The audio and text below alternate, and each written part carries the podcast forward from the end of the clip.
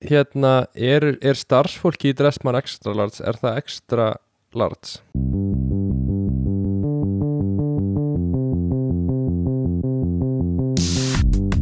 Halló er eitthvað að frétta? Já það er ekkert að frétta. Já það er ekkert að frétta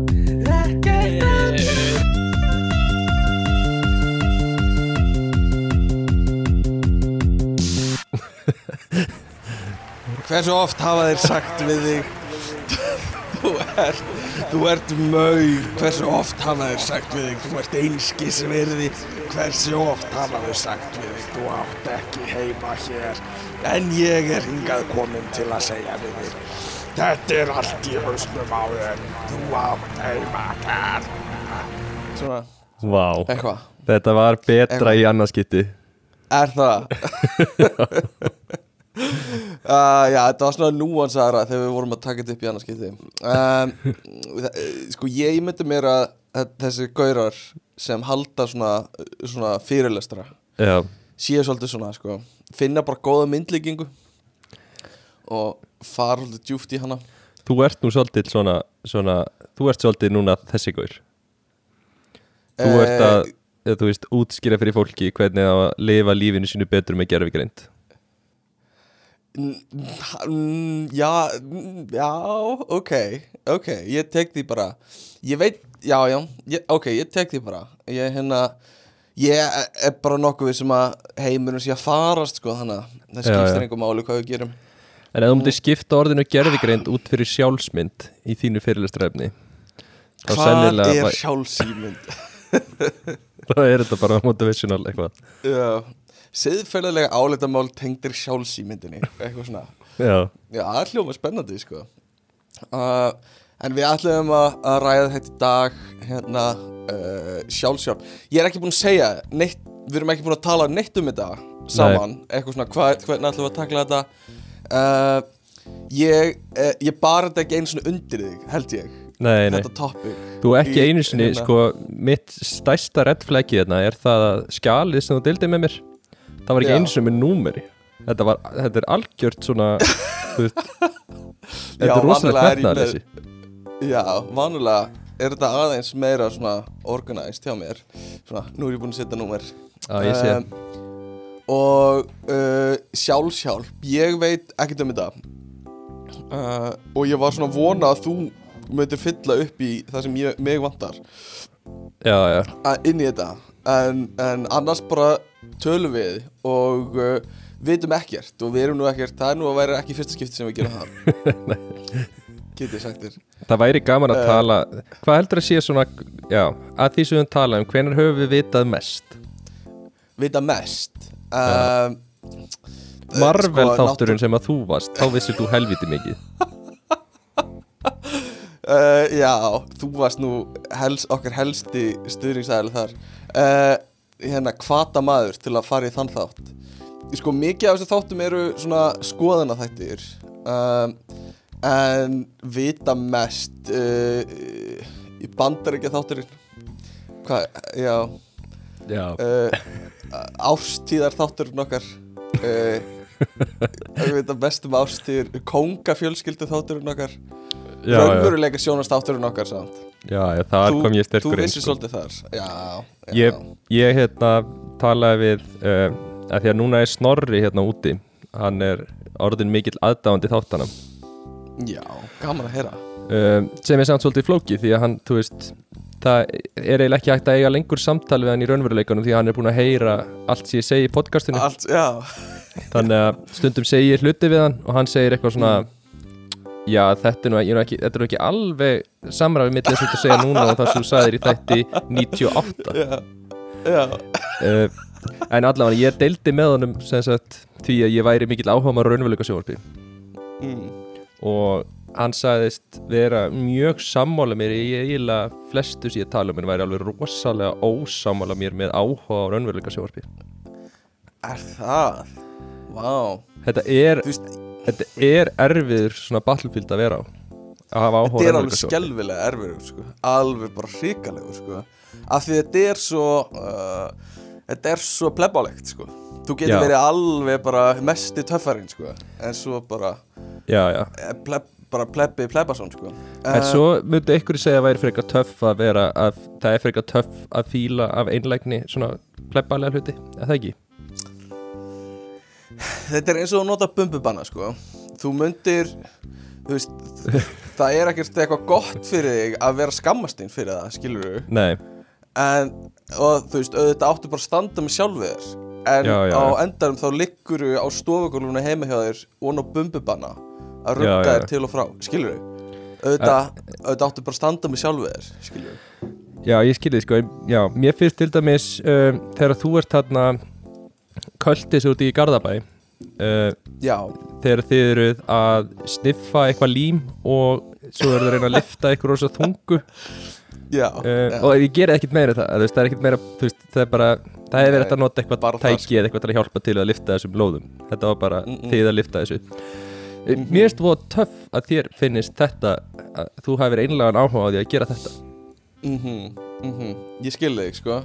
Uh, já, og, og hérna bara takk fyrir það sko og ég bara virði líka það að þú fílir að horfa á, á hérna raunveruleika sjónvarp sko. Já, Mér finnst takk. það mjög töff sko. Já, uh, það er, minn sannleikur er að uh, ég kann að meta að þú fílir að ég kunni að meta liftingar já, skilur mig? Það er minn sannleikur. Uh, Þú ert svo- um? Nei, já. Þú, þú ert svo mótaður. Mm, Ég veit það. Ég er fullmótaður. Ég er fullmótaður í tek en ert að ekki, ert ekki alveg work in progress samt? Ég er alltaf work in progress samt Þó ég sé fullmótaður Það er Já, alltaf work in progress. Uh, Fyrir Ég vil byggjast afsökunar Á öllu sem ég hef gert. Ég er work in progress. Það er Þetta er afsökunarbeinin sem er go to hjá öllum. Uh, Hérna Hvað var ég að fara að segja? Já uh, Nei, ég lendi líka oft í þessu Ef ég er að tala við fólk sem hlustar á þættina. Uh, Og líka sko Ef ég er að tala, hitti fólk eins og uh, Sem býr í útlandum sem ég hitti ekki í marg, langan tíma En það veit allt um mitt líf. Já, bara já, já. meira en ég bara hvernig eru buksuna sem þú varst að kaupa? Og ég bara, fyrir ekki? Já, já, einmitt. Og þá var það eitthvað sem ég sagði í einhverju þætti einhver tíman og, og hérna held að ég væri bara mínu nánustu vissu sko. Þetta Eh. er rosaleg berskjöldun þetta er það sko. En ég samt sko það sem ég segi í þáttanum er alltaf ekki alveg satt. Það er, veist, það er svona aðeins Já, það, veist, að skrúað upp eða eitthvað. Skilur, þannig að Já, það já. er ekki alveg það er ekki alveg ég. En þannig að ég fel mig svolítið bak við það sko. Já, sem er náttúrulega, þú veist, sem, sem er bull já, það er alveg bull sko. Nei, það er, það er samt, það er fyndið að, þú veist eh, Það er, mér finnst fyndið stundum að hlusta á, sko, aftur þætti sem við tókum við mm. og Já. vera, þú veist, ekki sammála sjálfum við alltaf. Mm já, já, algjörlega sko.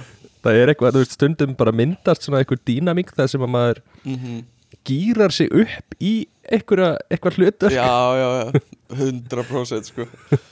Og er bara, er bara allar að deyja á hæðinni sko. Og hérna bara láta grafa sig þar sko.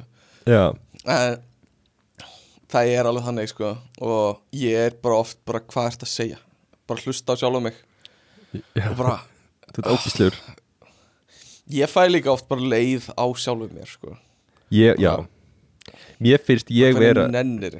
Já, ég, ég fæ líka leiða sjálfur mér sko. Og líka röddinni minni. Ég veist ég var alveg ógeðslega leiðilega rödd. Er það? Já. að því mér finnst þín rödd svo fín einhvern veginn. Ég var Og ég já. Ég var nefnilega að pæla í þessu sko. Af hverju ætli okkur finnist uh, Ég er með nokkra tilgáttur Ég áttur að samræða með. Af hverju okkur af, eða finnst eiginlega öllum röddið þeirra leiðileg Þeir heyra sér tala? Heldur að Morgan Freeman sé þannig líka. Uh, Nei, en sannlega bara hann bara hann, já einmitt. uh, Mhm. en, en þú veist, ég er að pæla Þetta sé eitthvað líffræðilegt svona Er þetta einhvers konar varnar viðbara hjá okkur mm. að finnast röddun okkur svona leiðileg er það því að við heyrum hana öðruvísi í haustum okkur og þá voru við, þú veist, Já. þá er þetta bara svona þetta að stangast á við það sem við heldum Mhm. Er það því að það er ykkur að tala alveg svo við og okkur finnst það óþægilegt að heyra röddina af sömu Mm. mannesku og þú gefa frá sér sömu hljóð? Mhm. Þetta er ágæta tilgóttur sko Ég held að það sé ekki varna viðbragð vegna þess að þetta er ekkert sem hefur getað þróast gegnum þú veist, bara þróuna söguna að því gæt- við gátum ekki tekið upp rödd eða eitthvað Nei, gæti samt verið að þú sért með rödd sem að líkist fólki, þú veist, fjölskyldunniðinni mm, og þannig að, þú veist, þetta geti að þróast tannig að ef þú heyri rödd Já. fjölskylduðinnar þá sé Já. það óþægilegt. Mér finnst samt röddinast tryggva bróðu míns ekkert pyrrandi og við erum oft sæðir að vera með frekar svipaði rödd oft. Já, já, já. Um, en ég held að sé meira þetta ósamræmi varðandi það sem þú ert með í hausnum að þér og svo þegar þú heyrir alvöru útgáfuna. Að þú veist, Já. í hausnum að þér ertu alltaf djúbrátaðari eða meira smúð eða hvað það er. Pældi hvað er fyndið ef Morgan Freeman væri öfugt Já, í haust, hausnum hans er bara "Yeah, I'm Morgan Freeman Hann myndi bara ekki skilja okkur allir vilja fá hann í að lesa eitthvað. When I first met Andy Dufresne I was eitthvað svona. Já. Mhm. uh, Það er örgulega þannig þú ferði í ring sko, hann er of djúbradaður Já, um, En ég, já, hlusta oft er að hlusta og búin að hlusta kannski á tvo þætti eða eitthvað, er að fara yfir einhver þætti hvað þá þeir gefa út önnur podcast líka það sem ég er í og þarf að fara yfir þá þætti. Og ég bara fæ ógeð að því að hlusta á sjálfa mig. Eitthvað. Nei, Þú líka talar svo mikið. Þú veist, ég stundum seti á 2x hraða því að hlusta podcastu okkar. Og þú veist, er að, þegar þú ert að bladra og svo hægi þegar ég er að tala. Þetta er stundum, þú veist, þetta er stundum ómikið ég veit að ég er bara, ég er svo hrættur um að komi þögn sko. Uh, og finnst ég þurfa að segja eitthvað. En já, hvað vorum við að tala um? Snorra, já, hæ Snorri. Gaman að þú sérst að hlusta. Vonandi verðum við ekki fyrir vo- öll- voldum er ekki vonbriðum ógíslega vandþaklanda er, uh, Finnur hvað er svona, hvað er svona, við erum svona afslappa tempo okkur núna það er rosalega chilla tempo í dag. Ég held að sé þegar við séum hérna- með svo lítið efni. Við erum með al, ég er, ég sko, ég er ekkert að flýta mér að byrja á þættinum í dag. Að því blaðið okkar er bara svona er 10% af því sem við erum með varðarlega sko. Já, og, gott. líka, líka það ég við ekki alveg, ég hérna uh, er nýrúlaði fram úr rúminu sko.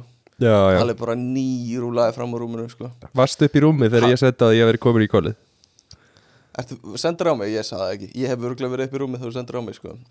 Og hérna uh, og kom svo bara hérna beint inn og, og þetta er bara, þetta er morgunuröttin mín sem hlustendur eru að fá beint í æði núna.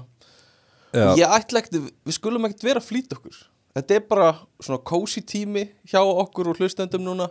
Já, já. Kveiki á kerti. Já, bara takkið fram Amaretto og Aperol Spritz Lýþal blanda. Já, En er hérna, ertu, ertu með morgurútínu? Ég sé að það er Mm. hvítur monster í hendurinn Það er allavega, ég veit að Það er- er morgurútínu þinn Það er ásakið Hérna uh, Ég uh, er í rauninni um, Ég get alveg sagt um morgun rútinu mína uh, Og ég bara no shame. Ég hérna byrja á því að, að fara í síma minn Og hugsa að best að fá bláu byrtun í augun Þannig að ég vakni. Uh, er svona öfugt við það sem þú gerir á kvöldin sko. Og uh, Og hvað gerir þú í símanum? sím bara fyrir að vísi yfirleitt les fréttir. Þetta er svona eins og að fara þetta er svona eins og að lága í morgunblæðis eða dagblæði uh, Já, já, og svo fer ég fram á klósettið og af klósettinu tek ég til dótu mitt og fer út um hörðuna já það er er, þannig. Þú tekur ekki morgumat nei, yfirleitt ekki sko. Það er engin Uh, hugleisla, það er engin kaldupottur Það er engin, ekkert svona ég er betur en þú statement. Nei, pældi í því sko hvað lífið getur verið gott ef maður gerir það. Uh, en pældi í hvað ég er ég er að vinna kannski á 20% power capacity núna ef ég myndi nota allt þetta, kaldupottur og huglislega eitthvað ég væri bara slefa upp í 90% pældi í hvað ég væri afkasta mikil það er bara þáttur á hverjum degi sko. Eða þú værir búin að spotta þennan þátt sem tímaðisli í þínu lífi og væri hættur í. Það getur líka verið. Það getur verið sko. Uh, Við skulum þá vona að það gerist ekki.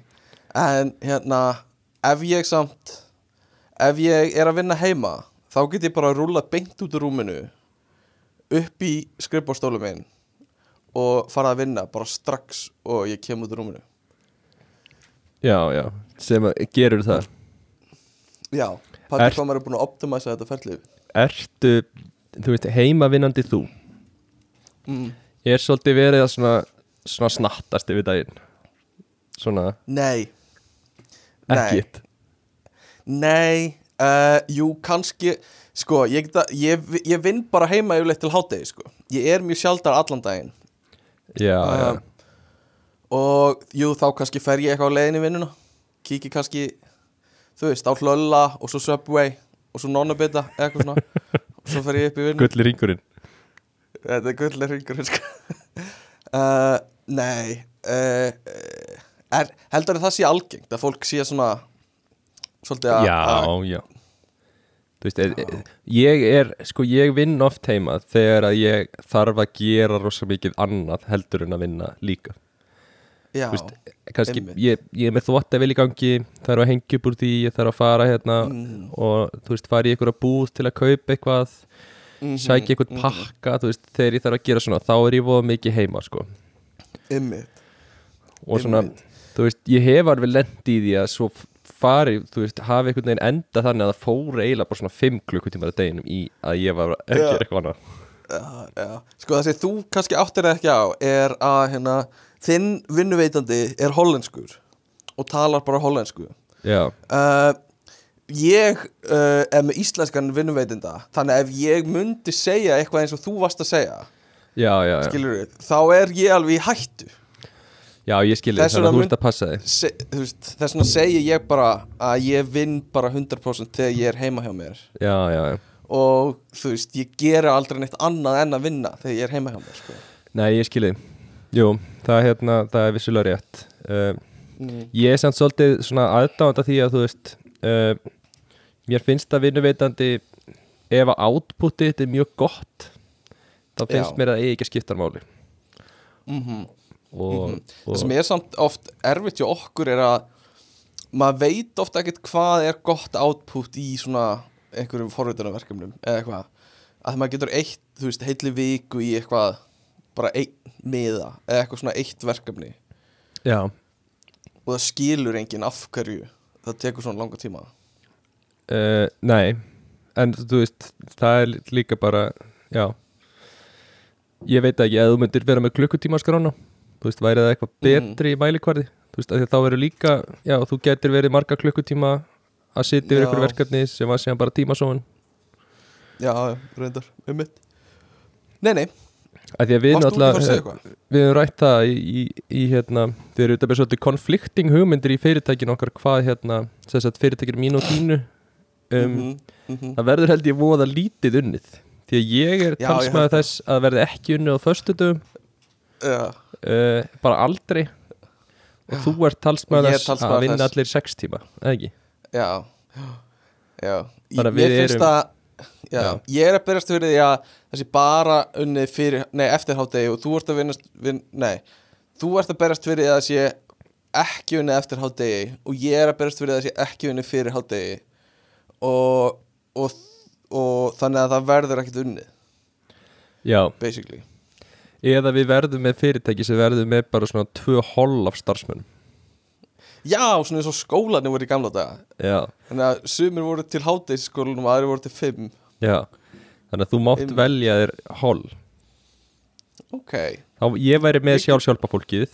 Þú væri með já, uh, svona Já, sjálfs hatursfólkið já Það er svolítið, mér líður svo creativity sé mjög oft tengt við það að, að vera hérna, ef þú ert mjög svona creative, mm. þá líður mér svo sofir lengur Eh, eins og sofir lengur Já, en það er oft þannig að listamenn fari í maníu þegar þeir eru sem mest skapandi sko. eða, eða fólk sem fer í maníu verður mjög skapandi og ef þú ert í maníu þá sefur mjög lítið og svo ferði í depression tímabili og þá sefur mjög mikið mm. Já, já Ertu að tala um það? Uh, nei, nú bara svona þetta var ekki alveg full hugsað sko ég bara svona ímynda mér einhvern veginn þú veist, kannski að því að listamenn er ofta að gera hluti á kvöldin en mér líður svona yfir Mhm. höfuð eins og fólk í listageranum það er Mm. meira í því að veist, það er eiginlega alltaf bjömanneskjur nema svona einn og einn rithöfundur sem er með eitthvað svona rútínu að ég vakna alltaf sjö á morgun, mótnana og ég skrifa í átta tíma sama hvort ég, þú veist, það gangi vel eða ekki Stephen King er þannig já, Það er bara fucking kúkar út bókum sko já, já en George R. R. Martin til dæmis ég held að hann, þú veist, hann skrifar Ah, svona hálf tíma á dag Nei, hann er ekki sér langt frí Ég veit ekki hvort þú varst að horfa á sama myndbandi ég En þeir voru einmitt að spjalla saman um þetta Hann, Aha. Stephen King og George R. R. Martin upp á sviði og George R. R. Martin spurði Stephen King hvernig hann inni og þá hann þetta að hann vinnur bara í 4-6 tíma dag alltaf alla daga og bara skrifar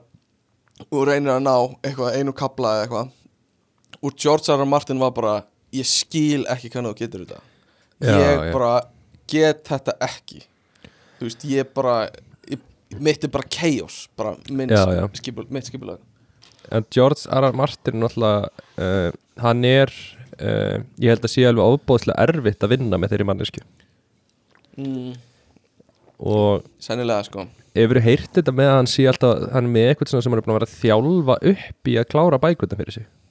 Aha, Já. og, og ég hef heyrt það sama líka eins og með Mr. Beast að hann sem er manneski sem hann er að þjálfa upp í bara hugsunarháttin sinn til að þú veist Ah, það geta tekið yfir raunni öllu þessu konsepti og þjálfa hann upp í að þú veist taka sömu ákvarðanir og hann myndi taka.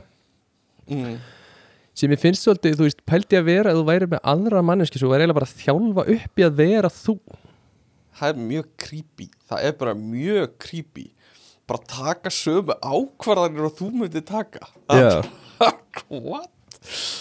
Uh, já Það væri samt nei, nei, við ætlum, við ætlum ekki að horfa á Last of Us í dag. Við ætlum að horfa á Love Island.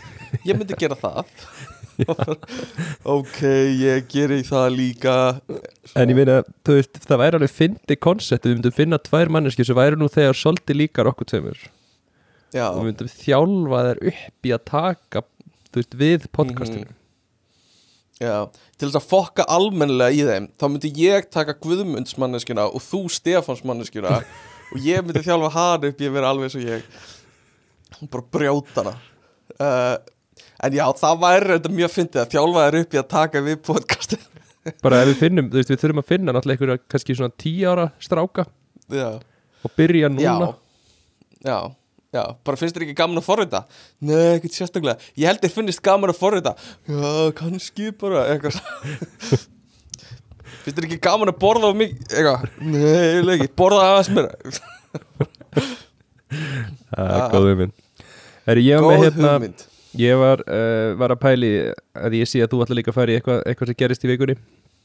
Um, alveg, sko, alveg. Ég, eins og það vana þá er ég einhvern veginn, ég er búin að gleyma öllu sem gerist í vikunni þannig að það er svona eitt atrið sem að gerist eiginlega bara í gær. Um, mm. sko ég fer á Subway já, Og- okkur allra besta. og ég hérna er með hyggsta. Já, og ég sko hef ekki pælt en mér líður eins og alltaf því ég fæ hyggsta þá er það venjulega svona í friðhelgi engalífsins heima hjá mér eh, veist, þá já, fæ ég hyggsta.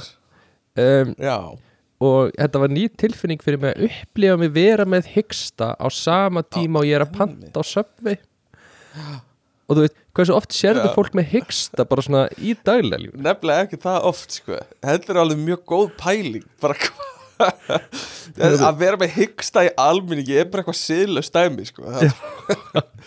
Hvað er að? Bara fáðu hjálp heima og þú kemur út með þetta sko. Ég, ég upplifa þannig og mér leiði þess að væri allir að horfa á mig þegar ég er bara kál og ost bara ert veikur? Kann, jæ, ha. Æjæjæ kann ég ha? og, Kann ég ha Danki vel uh, En bara uh, Þú veist, að sjálfsögðu er eðlilegt fyrir annað fólk að hugsa hvað er að þessum gaur. Eða þú veist, já, bara já, hugsa þetta er ekki eðlilegu gaur sko. ég myndi Já. alveg segja það. Að því að hyggsta já, það er ekki eh, bara það er eitthvað sem á að gerast heimahjör og gerist yfirleitt heimahjör skilur við þetta er svona já þetta er einhvern veginn svipað og einhver væri bara alltaf að prumpa. Já, já, nákvæmlega. Þetta var bara kann, já, ha eitthvað svona. Og er ekki eins og að segja fyrirgefu já, ég sagði það fyrst sko. Og Aha. að ég byrjaði og ég var eitthvað svona, já ég ætla að fá og svo hyggstaði ég í miði orði. Mm. og þá sagði ég sko sorry, eitthvað. Og, og, Ah. og ég held áfram og sorry. það er hérna um, þá fór ég líka að pæla þú veist ég er ekki, ég er ekki að fara að segja sorry fyrir hvern einasta hyggsta sem Nei, kemur inn. hyggsta, nei um. En uh, Pantaru á ennsku ennþá? Uh, sko það er mismunandi hvað ég er að panta. Sorry, ég ætlaði ekki að setja þessu veist, on the spot, skilur Eitthvað svona að, Hvernig þetta er í hugur ennþá að panta á ennsku Ég er bara forvitin. Já, ég, það fer eftir í ég er að panta. Ég panta mjög ofta á ennsku ennþá sko. En Sem ef þú er- að panta húr. Uh, Já, þá hérna En húr. Þá, En Ég það hef ekki upplifað það. Já. Hefur aldrei upplegað það? Nei, ok. Uh, En húr, takk. Hangi vel. Nei, en ég svona Það er uh, smá sko Því að ég get alveg panta á hollensku En ég svona Mér líður stundum eins og bara Þú veist Að ég veit alveg, ég get sagt þetta á hollensku Og mm. ég nenni, ekki, nenni því ekki. Nei, emitt uh, Ég skil þig. Það er meira effort sko. Hvað þá að maður er að hyggsta sko? Það var maður alveg með Battlefield sko á tveimur stöðum. Já, Það er bara að vera að flanka já. baki sko. Algjörlega sko. Eins og við segjum Það er verið að flanka mann í baki Þetta er það sem við segjum Það er alltaf. að flanka maður í baki Þetta er það sem við segjum alltaf sko. Já, en þú hefur komist í gegnum þetta lifandi. Mér sýnist það allavega. Og fjagst matinn þó þú hafir hyggstað framann í fólk. Já, ég fer, fer samt ekki aftur þangað sko. Það er, mm -mm. sko, söpfið núti eins og eiginlega allir skyndibitastæðir er bara ekki eins gott á Íslandi. Ég veit ekki af hverju. Er það ekki? Er það ekki? Er þetta þetta því ég præmaður í þetta? Þú veist. Það gæti verið þú veist, maður finnur oft eitthvað svona maður fær eitthvað svona er að tala með einhvern sem er ekki íslenskur og hann er að sína mann eitthvað frá veist, heimalandinu sínu og bara þetta er best í heimi. Bara eins og Alex sem bjó með okkur á stúdenthótelinu var með eitthvað ólifólíu og var bara þetta er besta ólifólían Já, já, já og þetta var bara venjuleg ólifólía þú veist, maður er bara eitthvað neginn svona præmaður í eitthvað sem er heima hjá manni, örgulega Algjörlega. Eh, Ég býst við því. En samt Er ekki Ísland með ágætan svona stand, standard Standard? Stan Á standard. Á hlutunum. Uh, Á hlutunum.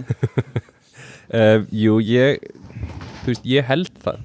Ég held til dæmis Þú veist, matur á Íslandi er mjög góður, sko Já, uh, einmitt.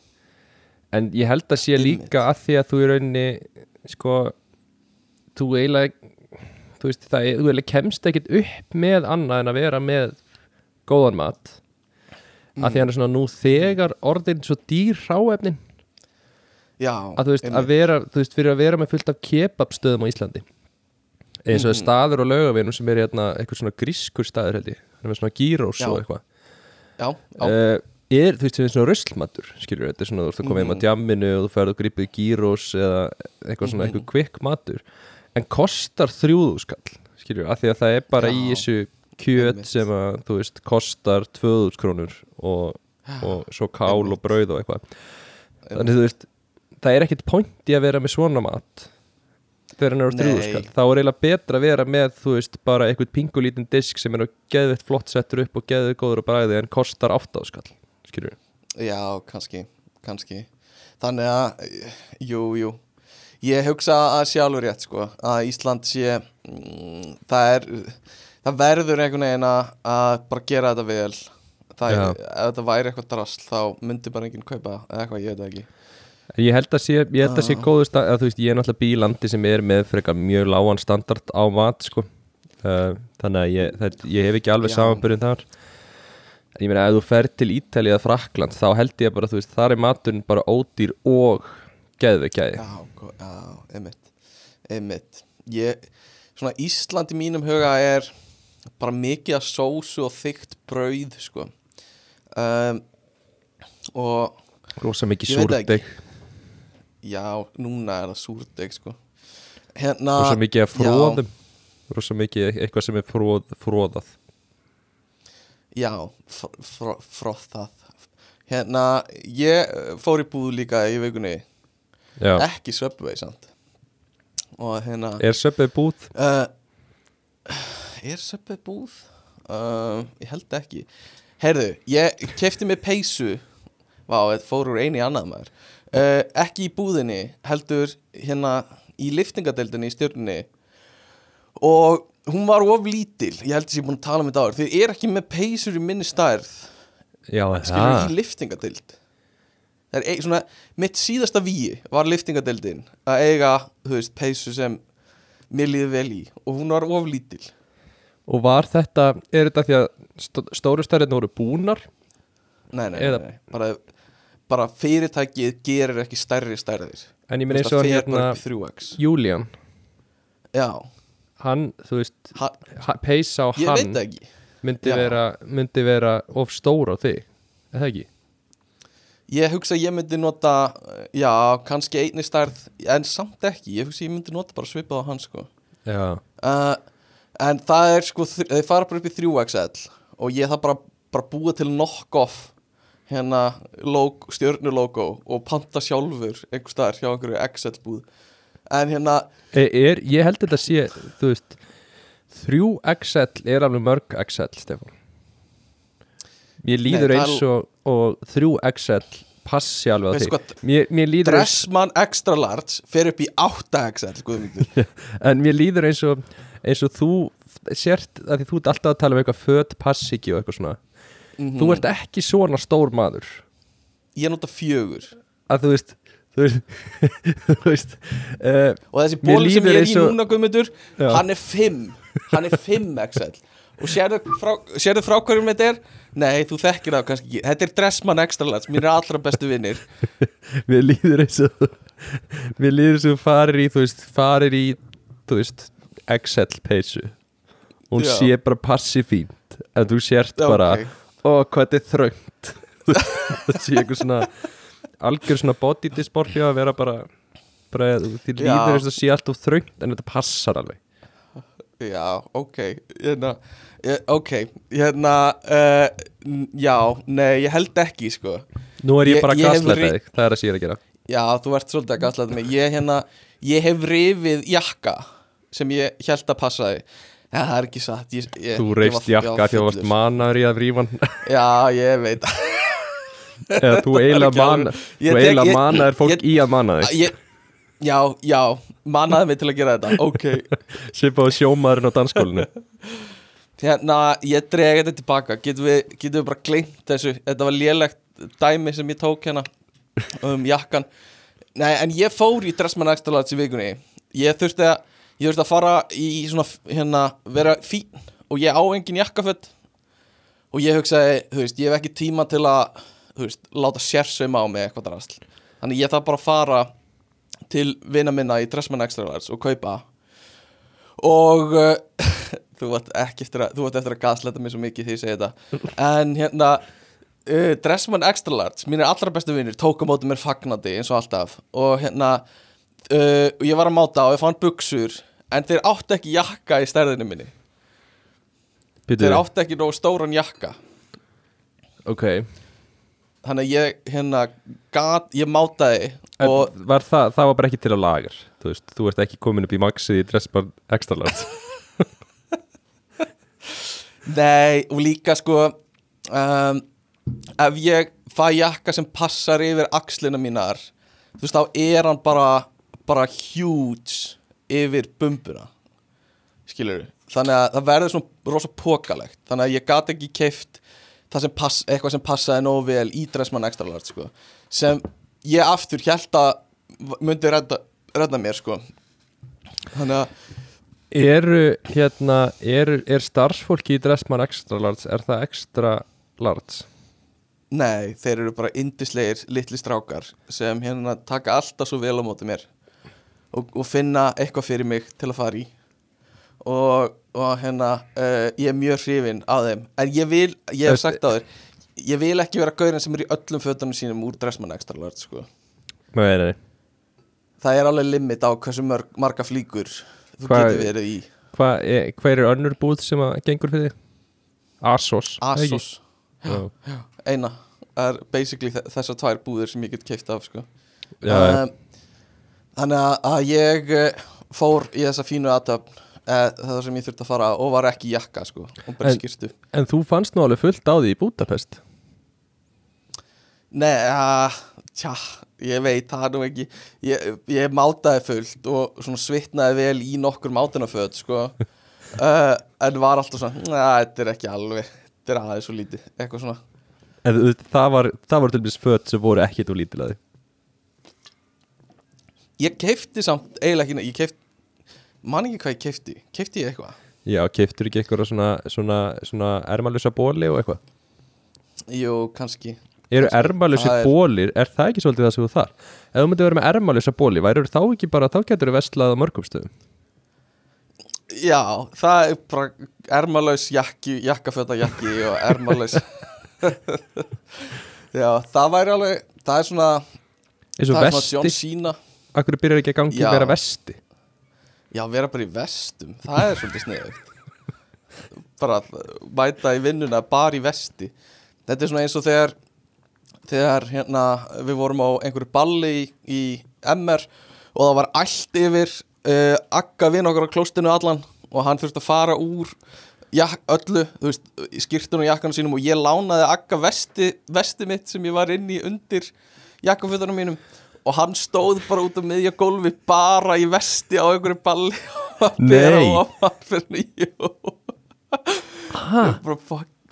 Og það var bara í að mestu fílu sem ég hef síðan í sko. Að það var bara æli verið hann allan. Er akkur fór hún ekki bara hann heim?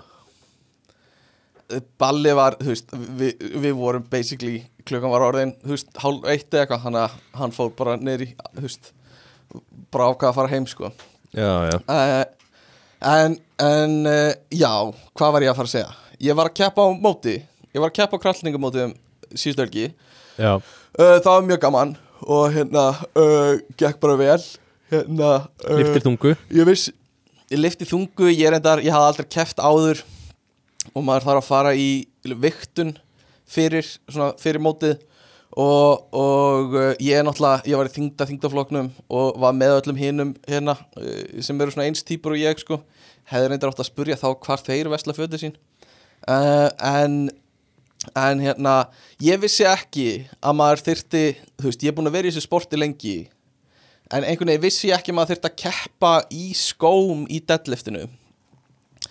Og var við það að stíga inn á bara það var búið að kalla nafni mitt þegar dómarinn stoppaði mig og sagði bara heyrðu þú ert að vera í skóm. Ég var bara á tánum. Þannig að, að ég bara, þú veist, bara mikið panik þegar ég var bara að fara inn á pallin Já, og þá bara var eitthvað gaur við hliðin á mér sem bara hoppaði úr sínum gömlu strygaskóm og bara hérna takti þessa og ég bara þurfti að fara bara í einhverja skó inn á pallin og Það býtu varst Eh. ekki með, þú veist, þú var mætt í skóm samt? Já, þeir voru bara einhvers staðar lengst í burtu og ég, ég hérna var ekki með neitt með mér. Þetta var bara, ég var að fara ég var bara að lappa út á pallin Ég skilði bara mikið panik og, og þannig að já, ég veit ekki, er þetta, það er ekkert merkilegt þessu sögu, sko, ég var ekki alveg búin að segja hana upphátt. Um, Ertu venlega búin að segja í sögur þeirra skóna. uppátt veist, ég gera það. Nei, veistu, veistu ég, ok. Ég gera það. Ég, ég hérna, ég svona ég, ég prófa sögurnar oft fyrir einhverjum vini mína fyrst og svona finna út hva, hvernig er best að segja þær og svo kem ég með þær í podcastið stundum. Ég Ok. núa það er aðeins. Já, ok, þú ert að segja við mannesku Já, bara við bjögga eða eitthvað. Bara já. off air. Ég bara veginn í sá fyrir mig eða væri að segja bara, þú veist, við sjálfa þig til að prófa nei nei nei, nei, nei, nei ég, ég prófa og svo svona fylltar ég úti og hún er ekki nógu merkileg. Uh, en það sem ég lendir reyndar í, þetta er eitthvað sem ég heldur ekki sagt neinum, sjáum hvort þetta sé merkileg, er ég fór í, í sund eftir mótið og sánu og eitthvað svona og ég fór í Vesturbælaug í sánuna þar og var einn bara, bara um kvöld klukkan átta eða eitthvað og, nei, klukkan nýju og hérna ómerkileg staðreind sem skiptir engum máli fyrir þessu Var það áttaði nýju? uh, hún var nýju held ég. Og hérna og hann kem, það kemur kallinn í sánuna það sem ég er einn. Og Opp, opp, sest opp svona á móti mér. Og þetta er fræg sána fyrir að vera ég held að þetta sé eitthvað svona að hérna fyrir Vektarsána. Já, nei, fyrir sko sánan í vesturbæðalaug var notuð fyrir einhverju svona kallmenn til að hittast og hafa kynlíf saman. Nú, uh, Þetta er svona eins og þegar þú setur ananas í í, á Seltjarnesi mm, í hagkaup þá er vesturbæðalaug þekkt fyrir að, vera svona fyrir, fyrir kallmenn sem eru að leita öðrum kallmennum um, en allavega, skiptir ekki móli hann sest á móti mér einhver staðar og við setjum í smástund saman tveir og svo segir hann eitthvað svona eitthvað sem ég skildi ekki alveg en mér fannst eins og það væri eitthvað svona að gera grín að þessari sögu að kallmenn að leita kallmennum í vesturbæðalaug eitthvað tengt Og því þeir eru bara tveir þarna og við erum bara tveir hana og hann segir eitthvað svona uh, hvað segir hann? eitthvað svona við erum bara tveir og ætlaði að fara eitthvað að gerast eitthvað, hann sagði eitthvað svona sem er eitthvað svona að kóla Ah. út þessa sögu og ég eitthvað, hvað segirðu? Og hann, nei ekki neitt. Var bara, veit ekki hvort hann var að grínast eða eitthvað. En þá er þetta þá, þá fer hann að segja mig frá því að hann sé að hætta hjá fyrirtækinu sínu uh, og er að breyta um stefnu í lífinu. Eitthvað svona. Og ég mig grunur að hann sé annarkort í burnouti eða einhver svona midlife crisis. Er þetta, er, Eh, er þetta maður á miðum aldrei? eða? já, þetta er svona maður svipaður uh, og hjálmar hann að grínistinn hjammi eða eitthvað. Hérna, svona þannig, algjörlega þannig típa. Og svipið maður Rauðherður Þéttvaksinn já, já, með svona skegg og Sköllóttur. svona þjættvaksinn og hann var í, hann var í hlýraból í sundinu, þú veist, hann er með kannski er hann eitthvað óryggur með sjálfa sig eða eitthvað. Og ég hafði séð hann vera út í laug að spila körfubolta með held í einhverju fólki sem hann þekkti ekki neitt. Þú veist, það var svona eins og hann væri bara svona að uppgöta sjálfa sig aftur og þú veist, reyna bara svona að hafa gaman og leika sér. Hann er í einhverju svona ástandi, sko. Sennilega Bara nýfráskilin það gæti alveg verið og hann fyrir að segja mig frá þú veist, fyrirtækinu að hann hefði búin að vinna hann í átjón ár og hann er að hugsa um að hætta eða er að hætta og ég segi já, er bara fínt? Eitthvað svona. Og hann er smá eins og hann sé einhverju maníu og svo lappar hann upp að mér og, og svona hérna og, og svona, svona tekur um axlina mínar og segir þú ert svo, svo stór. Eitthvað svona. Og þú ert svo hri eitthvað svona. Og ég bara hvað er að fucking gerast? Bara er þetta Ha? viðkjætt bara að snerta bara axlinir á einhverjum og veist, kommenta á útlitið hans og eitthvað svona. Og bara hvað er að frétta og heldur svona um axlinu mínu og ég bara já, já, ég, já, já og svo ertu mikið hérna í sánunni? Ertu, og ég eitthvað Býtu, hvar, býtu, ég- ég, verð að fá aðeins meiri dítela e, Já. Þeir eru inn í sánu og, við erum inn í sánu. Ok, og þið, eru þið báður í sundskilu? já, ég er í sundskilu annars bara ber á ofan og bara ber en hann er í sundskilu og hlýraból. Já, já, já.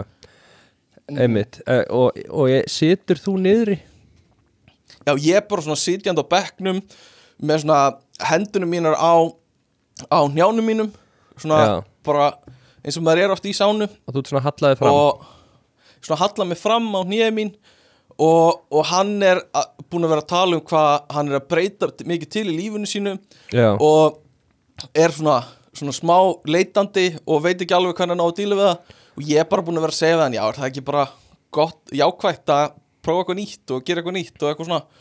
Og hann og hann bara Já, Já, á þessum tímapunkti stendur hann bara upp ok, og og bara lappar að mér. Og hann stendur þá svona fyrir framandi þar sem ha- Já, bara stendur yfir mér.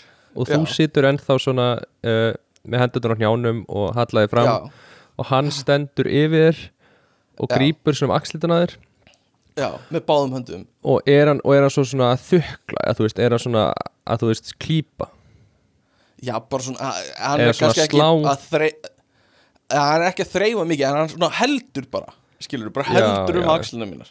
Og er er hann- þetta, sko. og ert, ert þú síðan að meðan hann er síðan að tala við þig þú veist, hvað, hvað ætlar að gefa sér margar sekundur þar sem hann er með hendurnar á axlarum að þér? Hann er í svona þrjár sekundur árin ég svona sest upp og svona halla mér aðeins aftur Þannig að hann missi Já, já. takki á axlunum mínum, sko. Og er, ert að horfa í augun á honum um- á meðan hann er með hendurnar á axlarum að þér að tala við þig? Ert þú að horfa er upp bara að horfa á Það er bara bumbuna í hlýrapallinu maður Af því að hann lappar alveg upp að mér, sko.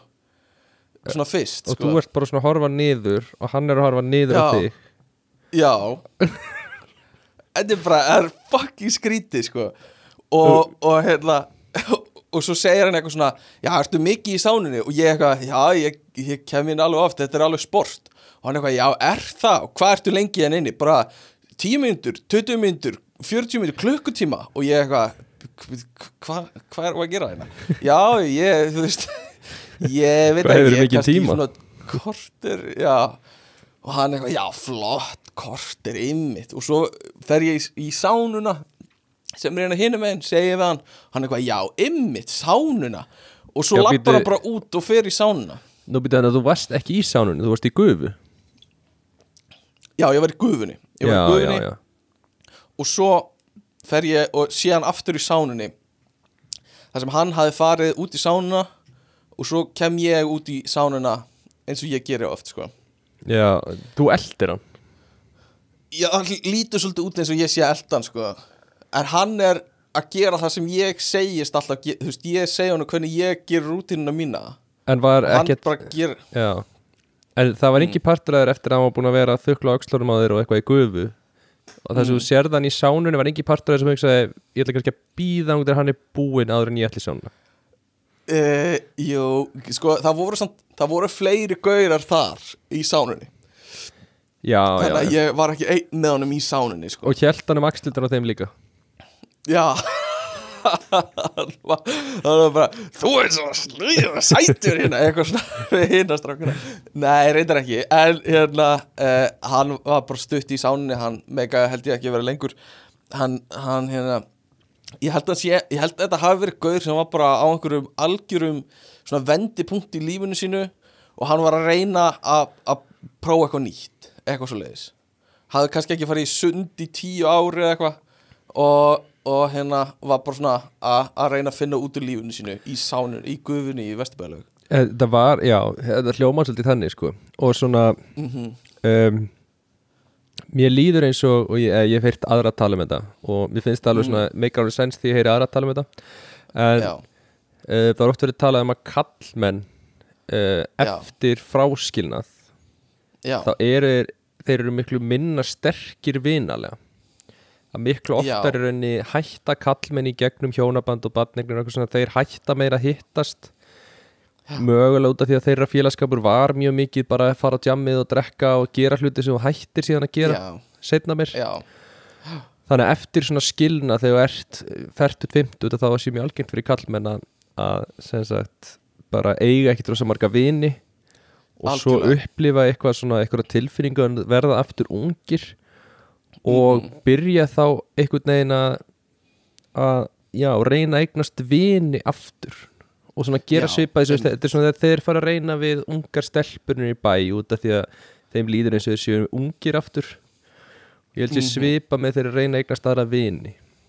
Þannig að þessi Já. kallmaður er mögulega á þeim stað að hann er svona allt í hennu núna ætlar hann að breyta lífinu sínu og rífa sér í gang uh, komast yfir þetta vesen og ætlar núna að fara einhvern veginn að eignast vini aftur já, já. Og ég er bara Og ekki með verið- skilið. Nei, heldur hann hafi heldur hann hafa haldið að þetta væri svona ein af leiðanum til þess að Eh, eignast vini? ég, ég, held, ég held að ég get alveg því að hann hafi í gegnum sitt líf verið svona kannski frekar hlétrægur maður. Mm og svo sér hann fólk sem er rosa miklir extrovertar og hvernig það á Já. samskipti við aðra þú veist, þú veist fólki sem á alltaf í spjöllum út um allt bara í heitu pottunum Aha. og, og við Aha. í, í spúðinni og eitthvað svona hann sér Einmitt. það fólk og hann er að reyna að vera opinn og leifa sér bara að þú veist, já, segja það sem hann vill og vera hress Einmitt. og skemmtilegur og fattar ekki alveg hvar línan liggur á því að vera þú veist, hress og opinn og að Já. vera óþægilegur ég held að þetta sé bara mögulega spot on sko það er hvað að segja sko ég hérna já, ég held, og þetta er, þetta er leiðilegt þetta, það sem þú varst að segja með kallmenn sko, ég held að rosa mikið af gaurum missi eru ekki bara rækt, eru bara hætta að rækta vinskapin sko. Já, já, rosa mikið og einangrast rosa mikið í samböndum. Og, og svo, já hætt, þú veist, er skilnaður eða hætta með kærustunum sinni og eru þá rosa bara miklar eigur sko. Já. svolítið einangraðir sko. Og ætla þá allt í hennu að koma aftur inn í eitthvað svona og vinninir eru bara komnir eitthvað annað, skilur þú að Já, þú já. hættir að rækta vinskapin og eitthvað svona. Þannig að þetta er þetta, já, þetta er ekki gott sko. En, en annað við hennar gauður er að ég held að hann hafi mögulega líka verið í einhvers konar burnouti sko. Uh, og við höfum nú oft verið að agitera fyrir að það er gott að taka burnouti bara snemma sko. Bara Já, eitt fyrir þrítugt sko. Uh, ég já þetta ég held að þetta sé rosa áhugavert tímabil þegar þú, þegar þú hérna uh, ferði þitt fyrsta burnout sko. Já, já. svona bara, bara, hætt, bara skiptir algjörlega um stefnu í lífinu. Já, og bara tekur einhver, eitthvað ár eða eitthvað það sem þú ert bara bara uh, gera eitthvað allt annað sko. Um, og já, ég veit ekki. Mér finnst að þetta var áhugaverð upplifun að upplif, sjá hennar kall vera að gangi í gegnum eitthvað svona mjög leitandi sko. Já, já. og En, en þetta er náttúrulega sko, ég finnst með burnout. Um, Mm. nú hef ég ekki lent í burnouti uh, og ég skil það að það er fólk sem fer mjög illa út úr burnouti. Já, og við grínum svolítið með það að tala um að fara í fyrsta burnout og vera á hraðleið í burnout Mhm. og allt svo leiðis en mín tilfinning er svona að burnout er veist, það, á, það er bara það gerist bara fyrir fólk. Mm, og mér líður eins og sé svona smá svona fólk sé að passa sig stundum þegar talar um burnout.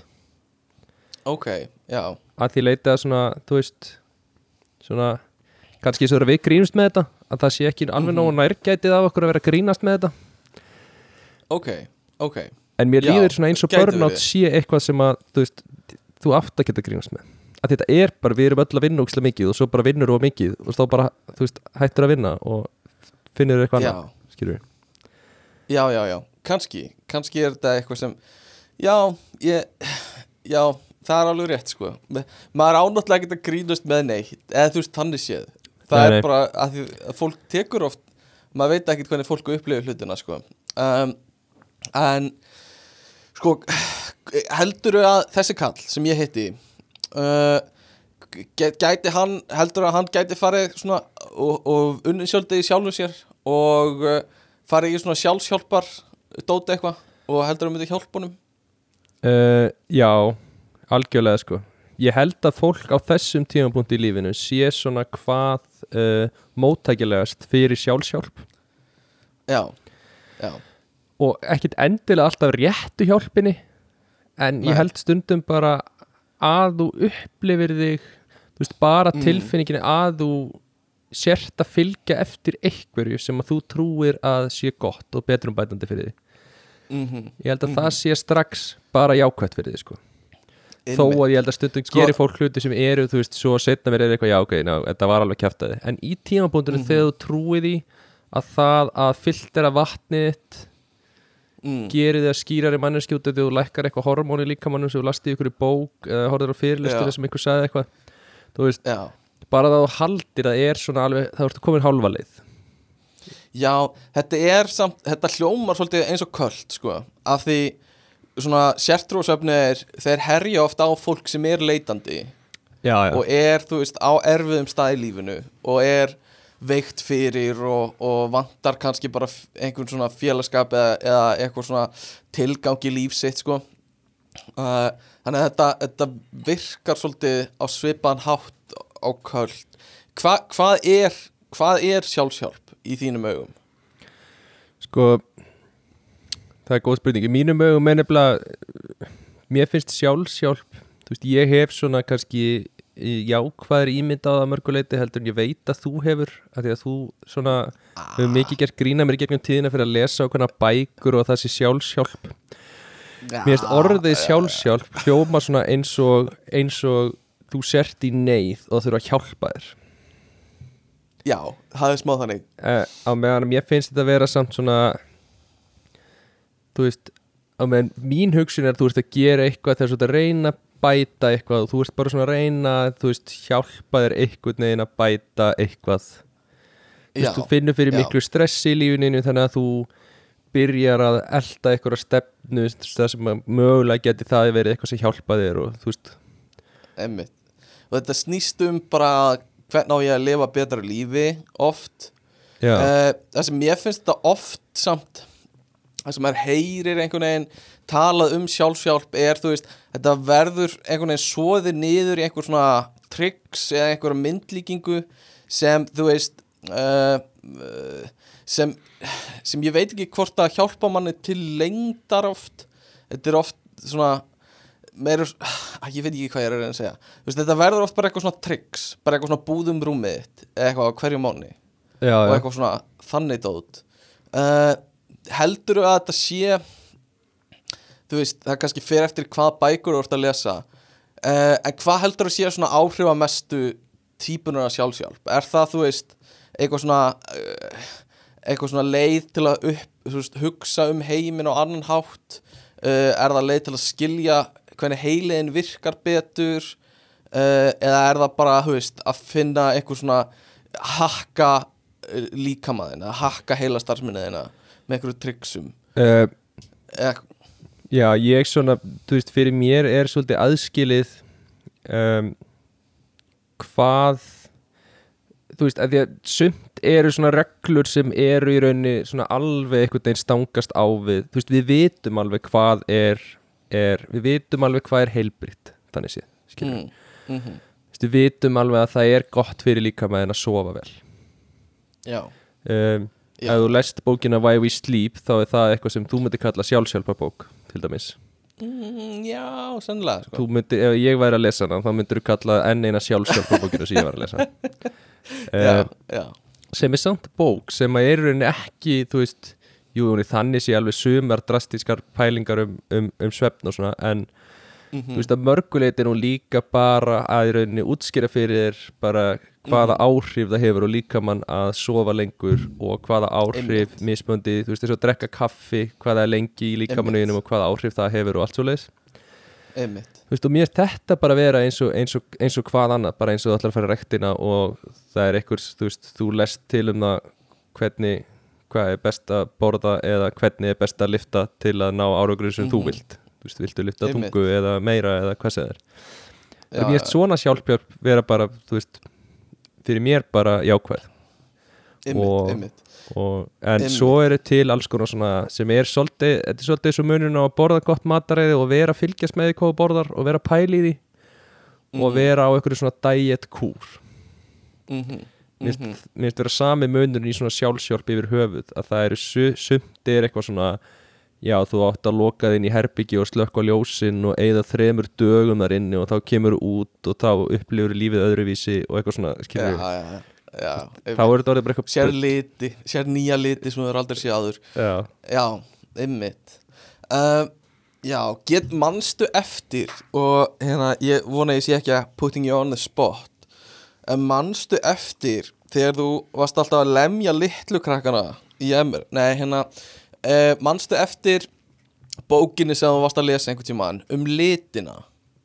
Uh, og, og getur þú sagt okkur aðeins manstu þú veist um hvað hún fjalla getur þú sagt mér aftur frá því? Um, Hver, hvað hún var að segja? Já, hún er rauninni fjallaði um hvernig, þetta var rauninni bara verið að taka allar manneskjur Mhm. og flokkaði, þú veist, að þú hafir ákveðin tón af fjórum litum og þetta voru svona eins og Mhm. fjórar stereotypur af manneskjum -hmm. uh, tilfinningarlega Já, og það höfðu öll mismunandi, þú veist, þetta var svona mismunandi karaktereinkenni sem hver hópur tilherði og, og svona eiginleikar sem átt að hjálpa þér til að í rauninni finna út í hvaða hóp þú ert. Mhm, og út frá því var líka hægt í rauninni að finna út hvernig hvernig er best að eiga samskipti við þig og hvernig þú átt Já. best að eiga samskipti við fólk sem að er í ákveðnum, lit, á, á ákveðnum staði í þessu litarófi já, ymmið Svona interaction á milli ykkar.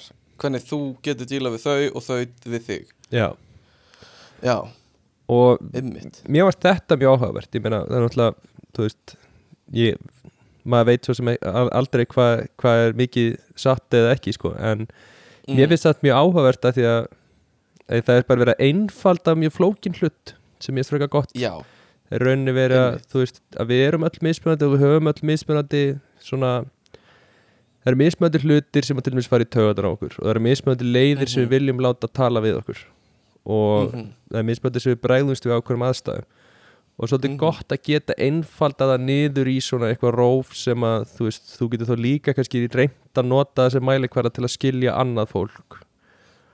Og Og fannst þér þetta alveg ná einhvern veginn yfir mennskan fjölbreytileika að nota þessa einföldun? Um, um, Var alveg hægt einhvern veginn að sjóða alla niður í einhverja þessum hlutum Já, í raun og veru því að þetta, er, veist, þetta voru svo svo general hlutir þú veist, þetta voru Já, þú veist, þetta voru svona já, þannig að ég myndi segja þetta, þú veist, það er alveg hægt að setja þetta yfir allan hópina því þetta er ekki, þetta er ekki mjög dítelað eða svoleiðis, þetta er meira bara svona nei, nei, nei, já, ymmið Ok, og m- manstu hvað þessi bók heitir? uh, ég skal finna það. Ok, en ég man, já, þú varst einhvern tímann, þú varst að lesa hana í kringum 2019 eða eitthvað minni mig uh, og uh, við, varst að segja okkur frá þessu og þú varst bara eitthvað svona ég held, Stefán, að þú sért svona blár eitthvað svona. Og varst svolítið að svona að sæna mig einhverju lit sem ég hafði ekki, skildi ekki alveg hvað var bakvið, sko. Já, já, en uh, og, og svona en líkillin í þessu var svona skilja sjálfaði betur og skilja aðra betur. Er það til að hjálp liðka til samskiptum. Já. Já, og einmitt.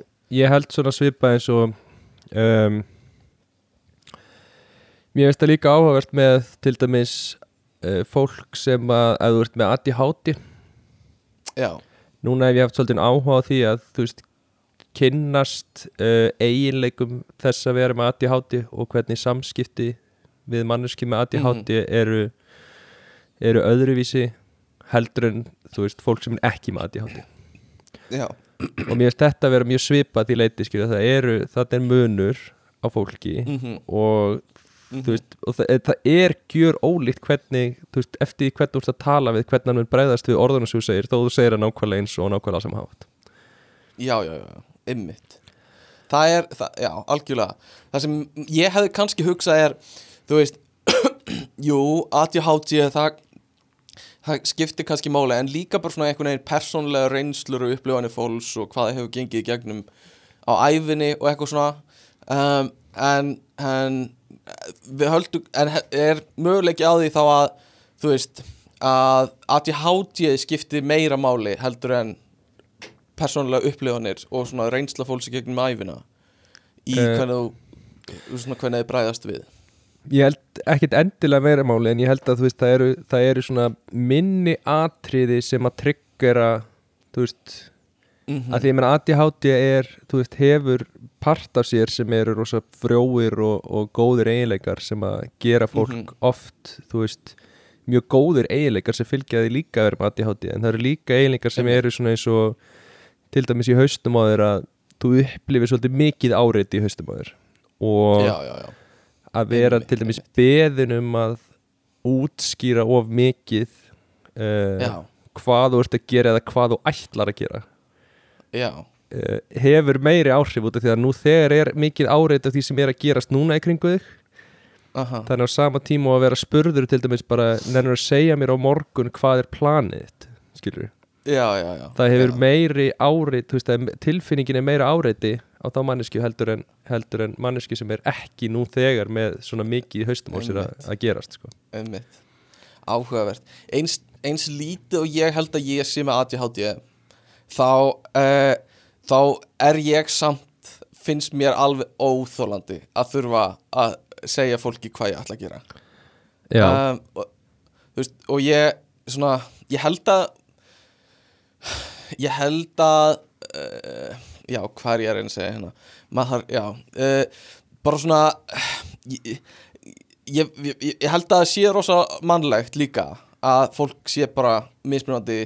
Mér finnst alveg mér finnst svo perrandi að þegar fólk veist, mér langar oft bara að vera veist, að gera það sem ég er að gera og ekki útskýra það fyrir neinum. Já. og hérna og vera bara, þú veist, fá bara uh, næði til þess að hugsa og, og gera það sem ég er að gera. Um, þannig að maður, svona, teng, maður tengir oft við suma eiginleika í uh, ah, ég veit ekki, þetta er svo ég veit ekki hvernig, hvað ég er að reyna að segja orða þetta. Uh, þú veist, ég tengi alveg sumt sem ADHD fólk lýsir og maður les um eitthvað svona einkenna ADHD uh, og en ég, ég er samt eiginlega ég er alveg sem ég sé ekki með ADHD sko. Já.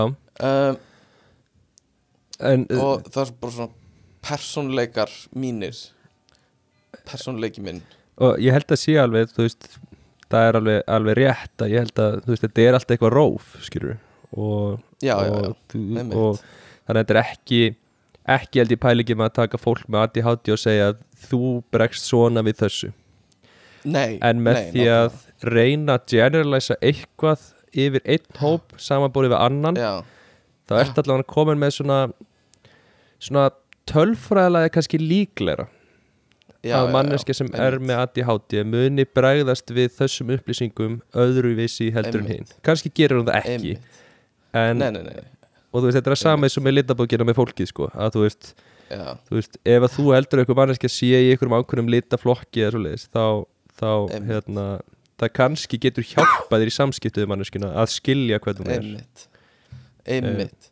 Og, og líka þó að ég kannski tengi við að vilja ekki tala um planið mitt á morgun eða eitthvað svona þá er það líka ekkit endilega af sömu ástæðu og aðrir vilja ekki gera það. Veist, ég vil kannski bara ekki gera það út af einhverjum persónulegum ástæðum en þau vilja ekki gera það því þau upplifa heiminn á einhvern öðruvísi hátt eitthvað svo leiðis þarf ekki endilega ymmit, já, já, já, já þetta er áhugavert um, en e, já, hver veit ekki hvernig við erum að halda áfram. E, hvernig er svona þín reynsla af uh, sjálfsjálf er þetta jákvætt yfir höfuð? Finnst þér að hafa tekið mikið frá þessu uh, bara svona eins og núna fjórum árum eftir að þú last ákveðna bók eða eitthvað svo leiðis uh, eða fer það rosa mikið bara einhvern veginn í harðadiskin og þú ert ekkert mikið að skoða þetta eftir á uh, já ég myndi segja að fyrir mig er, þú veist ég veit ekki ég, þú veist, ég hef smá áhuga á því að pæla í svona hlutum. Og þú veist, mér, ég hef alveg áhuga á því að pæla í uh, Mhm. þú veist, hvernig mér líður og af hverju mér líður þannig og öðru fólki, af hverju bregst það við svona af hverju gera þetta, þú veist, mér finnst gaman að pæla í. Þú varst nú ekkert langt frá því að fyrir sálfræði á tímbili bara mjög nált í, ef maður rétt. Já, og það er ennþá svona það sem ég hugsa að ég fari í svona já, kannski fyrsta börnandið þá kannski fer ég í sjálfræði fyrsta burnout. Einmitt. eins og Þorstin Guðmunds gerði það. Já, en ég reyndar svo bara að skoða því ég ætla, ætla að skoða námi í hái ég var að pæla hvort ég geti tekið svona, þú veist, einn og einn áfang og eitthvað. Mm. það voru allir áfangarnir rosa mikið bara saga sálfræði og eitthvað og ég, þú veist, Já, ok. ég hef ég veit ekki alveg hvað það er þá sem ég hef áhuga á en þú veist, ekki, mér langaði Mm. ekkit að læra um sögur sálfræði, mér langaði svolítið bara að læra Nei. um fólk og þú veist, að skilja hverju fólk gerir eitthvað sko. Já, svolítið þannig sko. Meira kannski atferðlisfræði einhver, já. En er það sér háskóla gráða? Já, kannski er það master one á sálfræði eitthvað, ég veit ekki. Geti verið eitthvað um, en bara ég, ég var að spurja á þessu hérna rétt á hann af því e, þegar ég var að lesa á netinu um þetta þá er oft talað um svona sjálfshjálpar bækur að þær skiptist svolítið í allavega tvo flokka og þá er annar flokkurinn eitthvað sem er kannski meira eins og Vive Sleep sem er bara að útskýra uh, einhver svona eðlis, eða svona líffræðilegt sem er í gangi í líkamniðinu með haustum á þér um af hverju einhver veist, manneskjur eru eins og þær eru.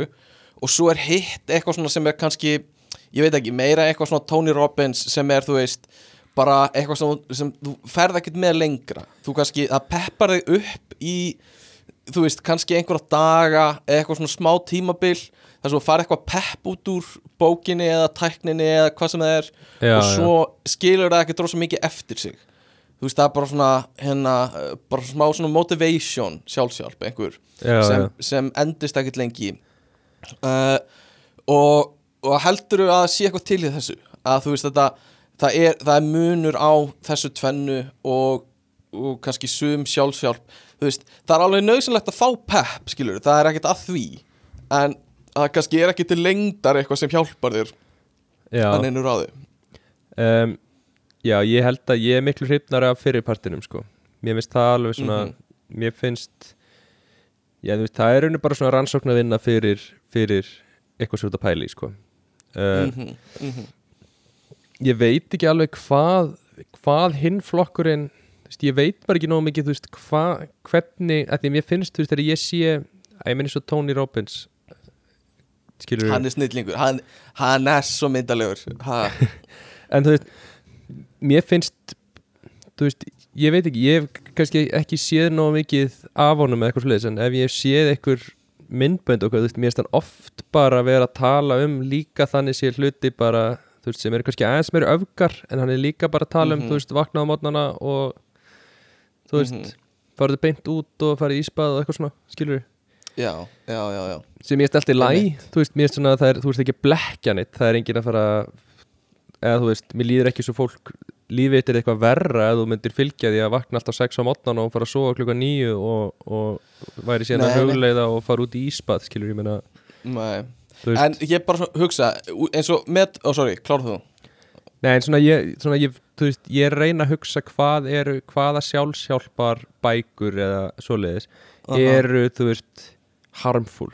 Veist, hvað eru hvað eru að horfa á það, Mhm. það sem þetta er að hafa slæm áhrif og þetta er að blekja fólk og það er rauninni mm að líða verð að því að það verða að blekja það með einhverju tækni eða eitthvað sliðis Já, ymmit Það er náttúrulega uh, Ég veit ekki, það er uh, kannski eitthvað sem er, þú veist bara segja, þú veist, þú ert aumingi að þú gerir ekki þetta, þetta, þetta eða eitthvað svona. Og Já, svo bara svo bara, þú veist, af einhverjum ástæðu getur ekki gert það, kannski að því þú ert eh, bara, hérna, andlega veikur eða bara ert þunglindur eða eitthvað svona og þá líður ennþá verð af því það er einhver búin að segja að þú sérst aumingi að þú getur ekki gert það, sko já, eða já, eitthvað já. svona já og kannski þegar þú Uh, ert líka þú veist, eins og vantalega fólk sem er með þunglindi er að Mhm. eiga við þunglindi að ef þú segir því fólki að það væri ekki þunglind eða myndi bara drulla sér í rektin á Mhm. mótana eða skilur, eða myndi fylgja þessum tíu reglum eða eitthvað.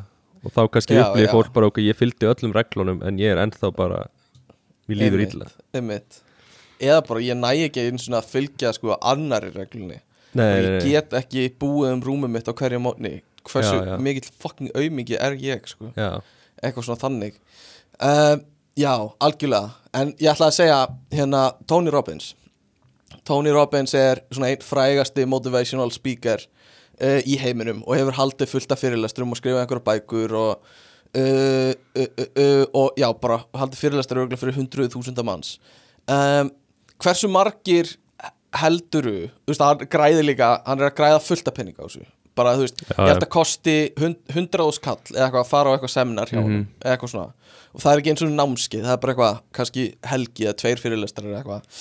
Um, hversu margir helduru að þetta hafi actually breytt lífinu hjá?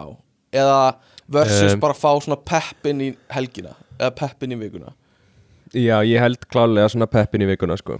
Og um, þú veist, ég held að fólk að ég alveg upplifað mjög jákvæða tilfinningu við að fara á þessi námskeið Aha. en þú veist, þetta var náttúrulega ekki laust þú veist, ég held að mi- mikið af þessu var bara svolítið, já, svolítið bara peppið eða þú veist, Já, bara hitta hann og hann síni vandamálinu áhuga og þú kannski upplifir eins og enginn sýnið í nokkuð tíman áhuga og já, þú veist að fá bara einhverju klukkutíma sem kemur einhver og er bara tilbúin að taka á móti þér og samþykja þig og einmitt. Já, einmitt. Er, já, ég hugsa það sko og ég er hérna með ég er með hérna uh, YouTube rásina svo opna. Og hann er með fullt af vídjóum þar sem hann er að tala. Og hann er með hérna eitthvað sem heitir The Seven Keys of Love and Relationships. Og þá er hann að segja frá því. Og þetta er svona bara, maður heyrir hljóðið er bara hann í einhver fyrirlestri að halda eitthvað svona motivational ræðu. Og svo er myndbandi bara einhver svona rosa mikið einhver svona uh, stokkfótó myndböndum af fólki að labba á ströndinni undir, og einhver svona einhver svona, einhver svona svona episk tónlist undir sem er já, eitthvað svona já, já, dun, dun, dun, eitthvað svona. Já, já. og eitthvað Hans Zimmer. Já. Og hérna nummer tvö er Becoming and embodying fully uh, Becoming and embodying fully the love that we are Þú veist, þetta er bara setning sem meikar svona málfræðilega ekki sens já, já, Becoming and embodying fully the love that we are. Um, En þetta er, þetta eru svona Þetta eru svona, ég veit ekki hvert ég er að fara með þetta Ég er ekki með neitt point En þetta eru bara svona einhvern veginn svona slagord eða bara eitthvað svona, eitthvað svona seven keys of, of Já, a healthy relationship eitthvað svona. Og svo eru bara eitthvað svona setningar stöku setningar. En um, að því að mér veist þetta að því að náttúrulega klálega þetta er söluvara og þetta er bara eins og Já. allt bara að þú ert að skoða bara byggja upp vöðva eða, eða missa, missa fytu Þa, veist, þetta er bara, Mhm. þetta er sölutrygsi sem virkar það vilja allir fá Mhm. bara þrjá hluti sem þeir þurfa að gera já, til að laga öll Mhm. vandamálin a, mhm, í sínu lífi og Já. þú veist ég held svona, jú, þú veist, þetta er söluvar og þegar maður lesa þetta er eitthvað sjö, nei, þú veist þetta er ekkert sjö, skilur þetta er ekkert, Mm. þetta er ekki svona einfalt og eitthvað svo leiðis, mhm, mhm. en mögulega getur þú tekið eitt af þessum hlutum sem maður sagði og getur Já, tengt við það Einmitt. og getur notað fyrir sjálfa þig og þá Einmitt, var þetta einmitt. hjálplegt og ég raun alveg óháð því hvort þetta var söluvar og sagt sem sjö og orða á asnalan hátt og eitthvað, eða það var eitthvað eitt aðna sem gerði lífið þetta aðeins betra þú veist, mhm. Já, já, það er góða punktur sko. Um, Er, við uh, svona, nefndum þetta aðeins áðan Er stigma í kringum sjálfsjálf Er, þú veist, er, er, er það orðið bara mjög viðkjönd um, Bara, það er allir að tala um, ég er að vinna í sjálfum mér og eitthvað svona? Ég veist, það, það var breyst rosa mikið bara, þú veist, uh, mér líður svona mm eiginlega bara svona, bara svona fyrir svona fimm árum síðan, mm þá fannst mér vera annað landslag. Eða þú veist, Já, mér finnst það var stutt síðan að heimurinn breyttist þannig að núna finnst mér eiginlega bara allt snýst um einhvers konar sjálfsjálf. Mér finnst allir vera bara þú veist, eins og við Aha. vorum að tala um þetta síðast þetta eða þar á undan, þú veist, það eru allir að fara í ísbað það eru allir Aha. að vakna og halda um einhverja dagbók það eru Já. allir að borða einhverja ákveðin mat út af einhverju gut, mind, health og eitthvað svona við, já, þú veist, í dag finnst mér bara, þú veist, að þú ert eiginlega ekki með ef þú er engin sjálfsjálfar þú veist, rútíni sem Mhm. þú ert núna að vinni skilur við Já, Þetta- bara hvaða sjálfsjálfarútinu ert þú að nota er spurningin en ekki, þú veist, Já. ertu að gera eitthvað skilur, já og núna er Já, þetta ég orðið fyrir sko í sánu og guði fjóru sinum í viku, eitthvað svona, Já. já. flott það er fínt, ég prófaði það einmitt í fyrra og það gerði þetta, þetta, þetta fyrir mig. En núna er ég að gera þetta hins vegar og ég medita þetta þrísar í viku eitthvað svona, já, ég held að algjörlega sko. Tony Robbins var til dæmis að tala um þetta með sánuna. Aha, þannig að þú ert að fylgja hans sjálfsjálf. Oh, goddamn, ég, ok, ég er Team Robbins þá. En er- en þetta eru sko ég er svolítið, það er, það er að, mér orðið aðeins svo mikið af mér núna að þú veist um, ég sá til dæmis, ég er hættur á TikTok um, en þegar ég var á Já, TikTok það. um, já, en þú veist, nú er ég bara að laða eftir á Instagram Reels í staðinn sem er bara verra TikTok Já, já. veist Já, verða TikTok. um, En er það ekki fínt, þá verður það er ekki alveg jafn gott á TikTok þannig að maður kannski eigði vonandi minni tíma á því já, og ég veit er að síni mér aftur myndbönd sem ég er búin að sjá það er Oh, einhver algjör oh. galli við þetta en um, sko hvað var ég að segja um undan þessu Þú varst að segja að TikTok algoritmið var komin í það að gefa þér alltaf mikið einhverju um, Ef ég ætti að giska, mér svona grun er það það það sem Uh, alltaf nei, það var ekki, jú, en þú veist, jú, að hluta til þá var það það, þú veist, Ok. ég var alltaf að sjá svona myndbönd og líka núna ég horfði með Mhm. Júli og hún er á TikTok og hún er Mhm. líka alltaf að sjá svona og ég sé það svo mikið að því að við, við erum svona á þessum aldurspili og þú veist, profilin fittar við svona svona þessi kalla Mhm. svona young urban professional þetta er svona, What? hefur ekki heyrt þetta en að Er frasa það prófílur okkar? Ég veit- eða þú veist, það meikar alveg sens Ég hef ekki heyrt þetta samt er Young þekkt Urban Professional Já, ok, kannski er þetta hollensku frasi en þetta er mjög mikið notað hérna í Hollandi yfir svona, þú veist gauðra eins og okkur sem er að byrja að vinna og er Aha. svolítið góðið með sig farnir að eiga smá pening Aha. aftur líður eins og séu svolítið góður í vinnunni sinni og svoleiðis. Aha. Og þú veist, Gaur, nei, þetta er bara spot on, sko. Þetta er geggjaði frasi, sko. Þetta er bara fyndin en, en þú veist æ, það er svona klassist þess og ég sé gaur sem er eitthvað með eitthvað svona myndband sem er, þú veist a day in the life of a self-made Mhm, eitthvað eh, business owner eh, eitthvað svona eitthvað titil sem er svona flottur. Mhm, mhm. Og hann vaknar uh, með eitthvað sólarveikjara klukku hann fer fram úr rúminu um leið. Já, hann fer og býr um rúmið. Hann fer inn á Mhm. bað og gerir eitthvað skinnrútínu og busta tennurnar og svo fer hann inn í eldús og hellir upp á kaffi eitthvað svona espresso vél sem er alveg bara, þú veist, já, 15 Já. skref. já. Hellir niður og svo sest hann við bara alveg hreint og Hreint, skrippborð mm, mhm. og Mhm. þú veist er að vinna einhvern veginn á tölvunni sinni og kveikir á kerti þú veist þegar hann er búinn og þarna á milli er hann búinn að fara í ræktina hann er búinn að hugleiða og þú veist og hann er búinn að gera allt Mhm. og ég hugsa svona því ég legg sama hlutinu og ég hugsa bara ok, þú veist að vakna og ég meina að allar að fara á skincare rútínan og búum rúmið og Mhm. svo allar að fara að gera þetta kaffi og þú veist, bara Mhm. klukkutími í þetta svo fyrir í ræktina og Mhm. og gerir allt þetta og fyrir mér er orðið þú ert, þú veist þessi mannski sem á að sína er hvernig er að vera svona produktífur og professional bara Mhm. max 5 klukkutímar á dag sem þessi manneskja hefur tíma í að gera ykkur að vinnu við þetta skrippbord Mhm. Mhm. þannig ég svona, mér líður eins og þetta sé þú veist, þú veist, það er hægt að skipta máli raun og verið hvað þú gerir eftir úr sestu skrippborðið eða þetta eru bara búnir fjórir klukkutímar á deginu þínum og bara, Já, já, já. þannig að Ymmit Uh, Ég skil þig, sko. það, uh, það er svolítið farið að pyrra mig þegar það er verið að sína einhvern svona heim sem venjulegt fólk eins og ég til dæmis myndi horfa á þetta og ég var eitthvað vá það væri nú geðveitt fyrir mig, ég myndi vakna og gera þetta og gera þetta og gera þetta. Svo kem ég geðveitt ferskur í vinnuna. Já, en til að fysikli geta gert þetta þá get ég ekki mætti vinnur klukka nýju ég get ekki unnið 8 Nei, tíma á dag af því að ég á að vera bara þú veist, veist ég á að vera að Mhm. gera allar hluti sem munu taka mig 7 tíma á deginu mínu Einmitt, einmitt Ég hugsa ég myndi líka mm, Ég myndi fara að fókusa svo mikið á þetta sem bara svona áhugamál einhvern veginn uh, einhvern veginn svona intensive self-care sem áhugamál eða svona sem þú veist þannig að ég myndi eigða rosa miklu tíma í að fókusa hvað ég ætti að gera næst að rannsaka það, bara eitthvað svona ok, ég er búin að prófa að meditata veist, hvað ef ég meditata í sánu? Og þú veist, bara eigður rosa miklu orku og tíma í bara Já, að já. finna út hver er ennþá betri leið til að gera self-care.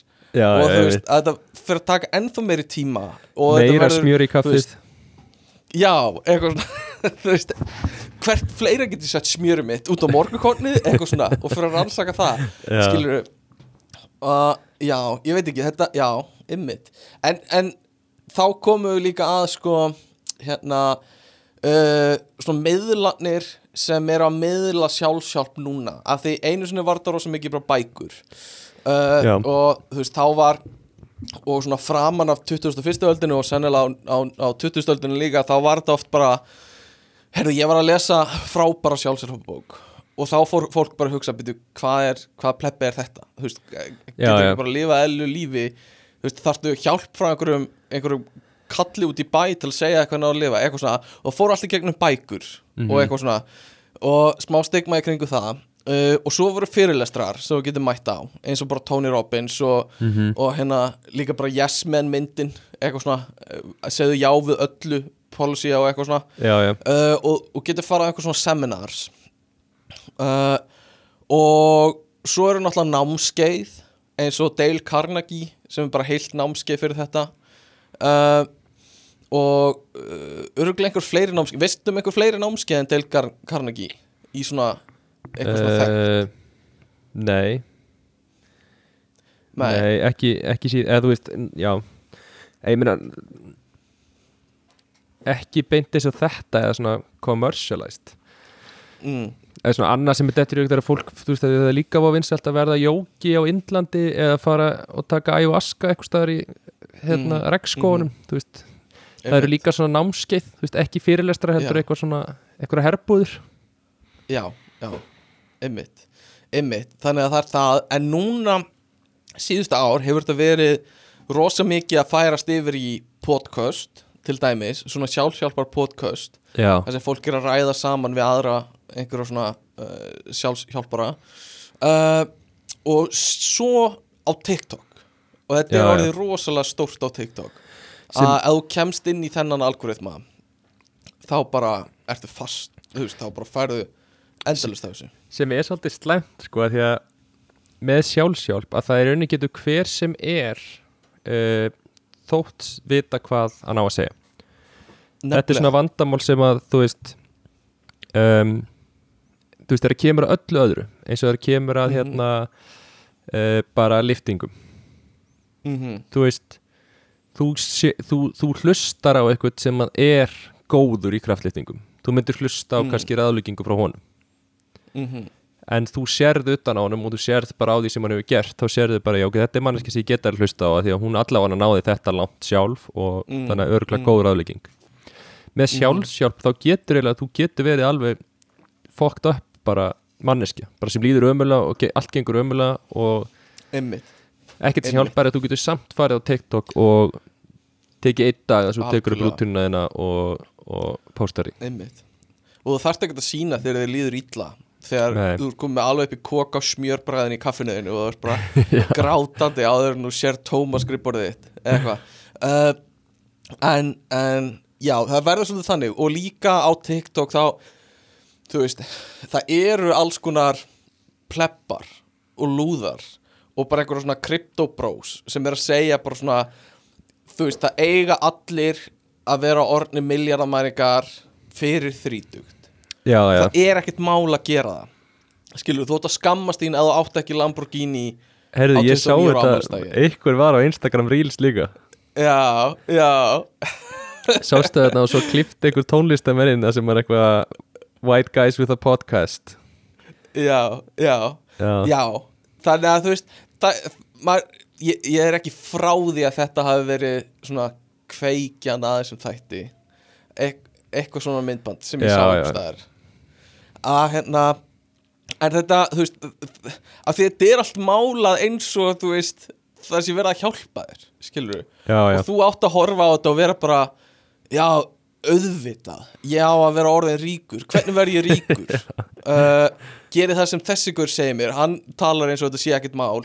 Og hvað er hann að segja, já, ég þarf að hérna, kaupa, veist, þennan krypto eða ég þarf að fara á þetta námski sem hann er að bjóða upp á eða ég þarf að ég þarf að hlusta meir á podcast þeirra til þess að upplifa þetta, þú Já, veist, já. fá ná, nákvæmur lýsing á þessu, eitthvað svona. Um, Þannig að það er svolítið herjað á fólk á samfélagsmiðlum sem er kannski smá veikt fyrir eða er leitandi eða þú veist, er bara ungt sem er bara mjög algengt og ert, þú veist, er að finna út úr lífinu þú ert ungur. Uh, yfir einhverju svona með einhverju svona duldu eins og þetta sé sjálfsjálp en þú veist, er það ekki beint sko. Já, Þannig að þetta verður svolítið svona skeri sko. Þetta, já þetta, Þessi fræði. En námskeið Sko, námskeið uh, Það er Dale Carnegie. Mér líður ofta eins og spunanámskeið séu svolítið sjálfsjálfarnámskeið líka sko. Uh, Það eru svona ákveðin þema í því sem svona ég held að hjálpi fólki bara almennt sko. Og sérðu fólk vera að mæta þarna mikið bara til að einhvern veginn bæta sjálf á sig? Já. Ég er uh, ég veit að veist, það er nokkur sem, einhverju sem gera það sko. Mm. uh, ég get alveg séð fyrir mér að fara á, á spunanámskeið Mhm. fyrir með það sem tilgang að svona mm stíu út fyrir kassan svolítið. Algjörlega, og þetta er svolítið þannig sko.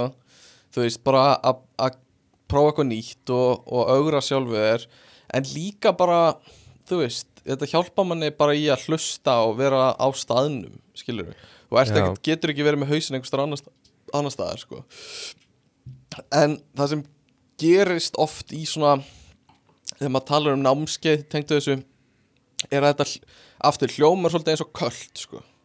Af því þú ert svona að reyna að ég er svona hætti því uh, mjög snemma í spunanum að mæla með þessu fyrir fólk sko. uh, einhvern veginn svona að reyna að fá fólk í Já, spuna já, já. af því það hljómar svo mikið eins og fucking já eins og ég sé bara eitthvað svona já, og ég bara kynntist þessu, ég bara uppliði heiminn á nýjan hátt, sko þú bara, þú verður að koma eða þú gefur okkur smá pening og getur að koma og við getum kentir allt sem við kunum, eitthvað svona. Og að hljóma bara, já, eins og sérst er krúta. Uh, Einmitt. og þú veist, þó að ég myndi kannski, e, já þú veist, þó að ég myndi halda að þetta myndi hjálpa einhverjum, þá er ég samt ekkert eitthvað svona að að mæla með því fyrir þau, nema veist, spyrja fyrrabræði, sko. Um, bara því ég vil ekki hljóma eins og einhver einhver nöttir, sko. Og ég held mögulega að Dale Carnegie geti hljóma svipað uh, þú veist, eitthvað svona já, ég bara fór í þetta og ég, þetta breyti lífið mínu og hérna, Já, já. allir að prófa þetta. Eitthvað svona. Sko, já, ég er náttúrulega fór á Dale Carnegie. Um, já, Ég, þú veist, ég einhvern veginn held að það hafi bara verið fínt, sko. Mhm. Uh, Pappi var eiginlega svolítið svona Hann var smá cult ambassador fyrir Dale Carnegie, sko. Já, að það var pappiðin í þessu líka. Já, hann var í þessu, sko Og hann, þú veist, sagði alltaf við okkur öll bara ef, þú veist, bara bara, ég, bara endilega farið í þetta og Aha. bara þetta er gott fyrir ykkur og bara ef það er einhver tíma sem ég vilji fara í þetta þá bara ég skrá ykkur um leið og eitthvað svona þannig að hann var alveg svona talsmaður sko. Já, já. Og þú veist, ég held þetta sé voða fínt sko, þú veist, mér fannst til kann ekki svo sem sumt að það sem er svona þú veist, stundum ómikill boðskapur Já, en ég held bara pælingi með að þurfa að mæta þannig í hverju viku finnast það smá óþægilegt, þurfa að tala fyrir framann annað fólk og deila með þeim Mhm. einhverju sem að skiptiði máli þú veist, Mhm. það var æfingin skilur. það er svolítið Mhm. eins og spunni þú ert bara að fara út fyrir kassan og bara að fara út fyrir kassan Mhm. er gott og sérstaklega held ég þegar þú ert yngri og svona hefur tækifæra á því að þú veist er auðveldar að laga ákveðna tilfinningar þegar þú ert yngri já þannig að fara út fyrir kassan þegar þú ert yngri held ég að sé oft betra Mm. fyrir þig heldur að þú ert orðin eldri og ert einhvern veginn þú veist, lífið er orðið svolítið Mm. ég hef alltaf verið svona mm. Mm, erfið að mhm, breyta þér þá heldur en þegar þú ert yngri og ert að mótast á fullu eins og er Einmitt Ég veit ekki, ég hugsa, ég ætti alveg smá aðeins með Dale Carnegie, sko Að segja frá einhver svona persónlegum sögum Já, fyrir fram að fólk. Eða, ég veit ekki. Ah, kannski. Kannski ekki. Um, ég, En ég held að þetta sé holt fyrir alla, sko Að prófa eitthvað nýtt, bara sama hvað það er, sko. Ertu með Nema að eitthvað það er Nema það hvað? sértrúarsöfnum sko. Já, ég er sammála því. Ertu með eitthvað sem er svona Já, þetta verði ég eitthvað tíma til í að gera Hmm uh, uh, ekk, mm, Ef við hugsaum kannski ekki sjálfsjálf heldur meira bara svona stíð út fyrir kassan. Er eitthvað sem hugsa svona, ok, ég, þú veist, ég veit þetta er og ég veit ég er tækifæri til að gera þetta en ekki Já. Ég, Nei ég, ég veit ekki Ekkert sem er dettur í hug. Uh, Varst þú með eitthvað sem langar að prófa? Eða, ég meina, improv væri þannig fyrir mig Já, já. Það er eitthvað sem ég einmitt, væri mjög til í að prófa en, já. uh, já, svona, Ég, ekki alveg Kannski syng, læra að syngja eða eitthvað, ég veit ekki. Getur verið gaman. Mm uh, ég var líka til að kunna dansa. Já, heyrðu. Ég er náttúrulega, ég er frægur dansari, ég er frægur á klubunum í Hollandi fyrir að vera góðu dansari. Uh, En ég, það væri svolítið áhugavert að prófa að fara á námskeið sko. Og hvað væri, hvað væri námskeið sem þú myndir fara á í dansi? Línudans? nei, línudans er eitthvað svona, getur ekki hver sem er línudans eða Heyrðu, heyrðu, wow Er þetta ekki haldi Getur beltið og taka hliða sem að hliðara? Guðmundur, þetta er svo miklu flóknara Þetta er, þetta er eins og sérst að hrækja í andlita á öllum kúrikum í heiminum núna sko. Það er bara já, já, aldeilis upp að tippið Þetta er list, sko Manstu ekki þegar við vorum á síkett í, í Unguralandi og hérna og Jú. sáum inn í hlöðuna og það voru allir bara í einhverju manju að dansa í ring eitthvað það var frábært það var farábært uh, nei, hvað myndir þú gera? svona uh, móðins jazzballett eða uh, salsa Nei, ég myndi nú, já, ég myndi nú helst vilja og samkvæmistans polka. sko. Já, svona eins og við lærðum í MR í íþróttum skottis og polka og hérna.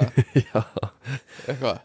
Nei, ég veit ekki, ég væri bara, þú veist, það er ógslag töff að kunna dansa og mér Það finnst það, sko, og þú veist, mér finnst ég alltaf því að horfa á dansar að dansa þá er svona, sit ég þarna í sófanum og horfa á, þú veist, kannski þetta er svona eitthvað í hálf, hérna, eitthvað, e, þú veist, eitthvað gott talent, Mhm. eitthvað, eða eitthvað Já. stafur sér fólk dansa. og ég sit í sófanum mínum og eina sem ég hugsa er bara líkaminn minn getur ekki beitt sér líffræðilega eins og það sem fólk er að gera nei, einmitt, uh, einmitt. Þannig að fróðleikurinn í mér eru oft hugsað hvað ef ég myndi nú bara æfa þetta þú veist, já, ef við taka klukkutíma á dag í tvö ár já.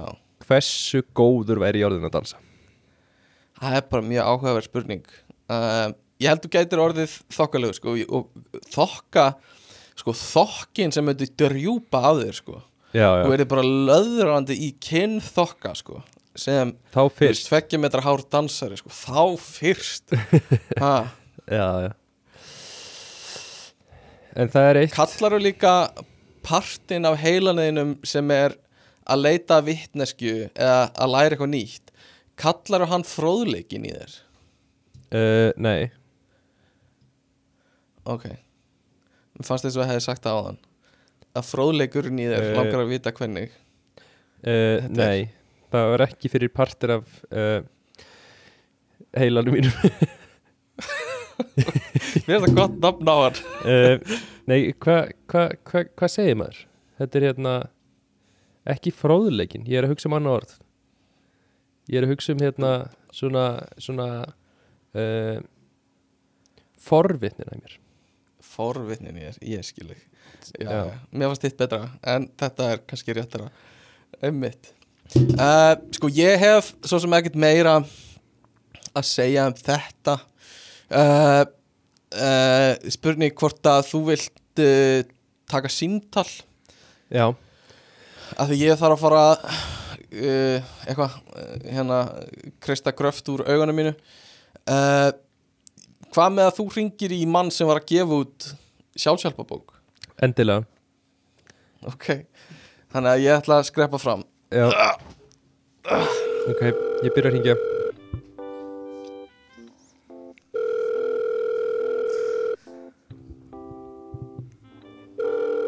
Já, góðan dag. Já, já góðan daginn Já, góðan daginn. Já, og hver er þú?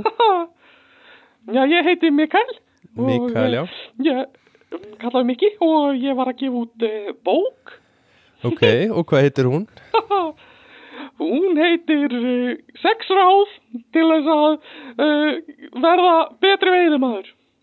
Ha, hm, Til að verða betri veðumöður, já já, Og hvað, getur þú deilt með mér einhverjum einhverjum ráðum og þá er ég ekki að tala um bara veiða dýr, ha, ég er að tala um bara sem, sem uh, predatórar í uh, samfélaginu, þá verður maður að vita hvernig maður á að vera góður veiðumæður. Já, já, sem predatórar í samfélaginu Já, við erum sem sagt, já, Og hvað erum við hérna? við, Hvað erum við að veiða? afsakið, við erum að veiða sjálfströst og við erum að veiða öryggi og við erum að veiða uh, skemmtun. Og það eru sex líkilatri til þess að veiða þetta. erum við að veiða sjálfströst? og við erum að veiða uh, skemmtun og við erum að veiða öryggi Ok, og já, getur þú deilt með mér einhverjum að ráðunum? það eru sex líkilatri og þetta eru, þetta eru sex líklar eins og ég kalla það fyrsti líkill er uh, ekki neitt sem þýðir eh, allt sem Ok. segir okkur bara að við verðum að horfa á allt eins og það sé nýtt og nýfætt og koma fram við öll allar manneskjur eins og hó, það séu það séu, hafa aldrei talað við manneski áður. Ok, og hvernig til dæmis núna þú svaraði símanu við mig hvaða hverju varst þú, að- hvernig leist þú á mig sem manneski sem væri nýfætt í samtalinu við mig Ó, já, ég tala við þig bara eins og uh, þú sést nýfætt barn og gú-gú gaga, segi ég. og uh, ég læt bara eins og þú vitir ekki neitt. Og uh, þannig fáum við öryggi. Þannig fáum við öryggi, ok Þetta er leikill nummer eitt Þetta er líkil nummer eitt. Var- nummer tvö. En Hvað leikill nummer eitt sem var, hérna, hvernig orðaði þetta í eitt í settingu? Uh, ég, ég sagði, ég sagði ekki neitt sem kemur fyrir allt. Já Mann sitt ekki alveg Uh, uh, Þetta er ekki alveg með þetta það, nei, ég er ekki með þetta. það, er, það er ekki bók eða? Nei, ég, ég er bara aðdáðandi og við langar að Já, já, þáttinn. Ég skil það. bara segja við einhvern það er alltaf til staða fyrir mig og Já. langar að bara segja hvað ég ekki um mig. Já, þakkaði fyrir það og bara ég kann að meta tilröðinni að búa til likla um, og bara Já, já, já, já. Við segjum það. Hérna, takk fyrir að ringin og bara, já vertu, vertu örugur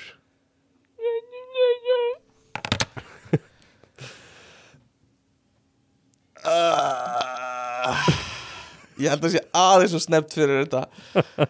Ég er bara uh, Já, já. Akkur var sko, já uh, uh, Þetta var gott síntal Nei, þetta var alveg skelfilegt. Ég hérna Ég er bara Já, ég, já, ég veit ekki. Ég er bara bara, bara, bara hafði ekki Þetta ekki, ég bara veit ekki Akkur var Já, alltaf að bara nutta þér augun? Er Ég þetta- veit ekki, ég bara Er þetta eitthvað sem þú gerir venjulega þegar þú ert í einhverjum Nei. karakter? Nei, eða þú veist Nei, ég bara Þetta var ekki, ég, ég veit ekki Bara slokna á heilunum mínum sko. Ég fannst það frábært. Þetta er mjög gott. Mjög gott, mjög gott síntal Allána Anyway, hérna uh, Í lokin Hver eru þín bestu sjálfsjálparáð uh, Hvað er Hvað er það sem flestur geta tekið til sín? Uh, Vá. Ég veit, sko, ég veit ekki alveg. Ég veit ekki alveg hvaða sjálfshjálpa ráðum ég fylgi eitthvað þannig séð. Nei, nei. Uh, Ég held að góður svepp. Ekki beint sjálfsjálparáð uh, Nei. En að sofa nógu Jó, það er mikið. bara fínt. Já. Ég held að sé alltaf næs uh, Ég held að sé líka holdt bara að vera frólegsfús og leita sér að nýri þekkingu alltaf og vera bara opinn fyrir því. Já, um, og eitthvað svoleiðis. Uh, og ekki vera of einhvern veginn harður við sjálfa þig. Uh, gera hluti sem þið finnst óþægilegir. Já, en samt alveg gera hluti sem þið finnst óþægilegir og hafa trúaðir og hérna ef þið mistekst þá er það bara, bara jákvægt sko. Mm bara lærir af því. Eitthvað, ég veit ekki. Og svo setjum, býtu, býtu, býtu, býtu setjum svona dramatíska tónlist í gang. Og hérna uh, uh, og komum með svona eitthvað svona dramatíst ráð fyrir alla. Uh, rannsóknir hafa sínt í gegnum áraraðir að svefn gerir meira fyrir þig heldur en góð góður matur uh, og hérna svo uh, Vertu ekki hrættur við að stíga út fyrir þægindaramman því að rammin var smíðaður fyrir mynd í lítilli stærð en þú ert Ah. plaggat sem kemst ekki fyrir einum ramma. Gæsa húð Þetta var gæsa húð uh, já, og, og hvað var síðasta sem við vorum að tala um? Já, mistök eru bara annað orð yfir að takast eitthvað nema það er bara skrifað öðruvísi. Eitthvað svona. Já. Já, já, ég, við það góður endir á hérna uh, góður endir á þetta podcast. Ég, ég held samt svona bara eitt að því þú varst að segja þetta með, þú veist, mistök og eitthvað svona. Mhm, sko venjulega þegar maður gerir hluti sem manni finnst óþægilegir mhm. er, þú veist, sérðu eitthvað tíman eftir eitthvað svo gerðir en fannst óþægild og fannst kannski veist, og kannski Mm. fannst þér óþægild eftir þú gerði það líka. Mm, en svona með tímanum mm, finnst þér ennþá Einhvern eitthvað tímann- sem að svíður sem svona, ó, þetta var svo óþægilegt. Mm. Sko, ég skil hvort að fara með þetta og í flestum tilfellum ekki. Það sem ég dettur í hug samt er einu sinni var ég heima hjá vinum mínum að leika mér og við vorum að renna okkur niður handrið á stiganum heima hjá honum og mamman skammaði mig að þegar maður mátti ekki gera og ég sé ennþá eftir ég að hafa gert það. Að- eftir að mamma skammaði mig. já, já, þú algjörlega náði punktunum mínum. Þú algjörlega tókst punktunum minn Já. og encapsulatar þessari góðu dæmisögu. Já, já. En, en svona annars uh, þá nei, bara alls ekki sko, ég bara þó að eitthvað hafi mistekist þá er maður bara ánaði með það sko. Já, held ég. Uh, já, já. En það var alltaf Já, já. sumt. Það var allt sumt í dag. Uh, hvað er rauðin dagsins í dag Guðmundur? Herði, það er Amstel. Amstel áinn sem rennur um Amsterdam. Eitthvað svona. Uh, styrtalaglega þáttarins í dag eru uh, eru kórónur. Kórónur. Uh, kórónur. Bjórin eða bara kórónur? Kórónur, bæði bjór og höfuðfatnaður. Það er slagur þeirra. Og uh, já uh, hafið samband og ekkert að frétta at gmail.com eða ekkert að frétta á Instagram? Og hvað meira? Já, takk fyrir að segja vinum eitthvað á podcastinu. Takk fyrir að læka gefa því fimm stjórnir á öllum miðlum. Uh, takk fyrir að deila því á Mér- fyrir að hlusta. Sko, mér líður eins og við um átt tímabil. Mm. bara, sorry ég sé að draga endan á þess að þætti lengra út eftir þú kláraði loka orðin en já. ég fór bara að pæla að mér líður eins og það hefði verið tímabil að við vorum alveg frekar reglulega að fá tölvuposta. Já. Ekki lengur sko. Hvað hérna ekki lengur. er, er, er já. Er það alveg dott út eða? Já, ég, ég held það sko, við höfum ekki fengið lengi. Uh, ek, Já, elskan podcastið. Uh, Þær benda alltaf hlustendunum sínum á að senda á okkur tölvuposta ef það er einhverja kvartanir í þættinu þeirra. Þá segir alltaf sendið posta ekkert að frétta at gmail.com Aha, eitthvað svona Já, hefur það gest það? uh, Nei, ekki ennþá. En ég, hlak, ég býr spenntur eftir að fá post frá einhverjum ekkert að frétta hlustenda eru þær ennþá hérna, eru þær alveg booming eða? Uh, já, svona, ég held það. Þær gefa út uh, regla. Ég, Þær voru í, hún var í fæðingar svona uh, orlofi.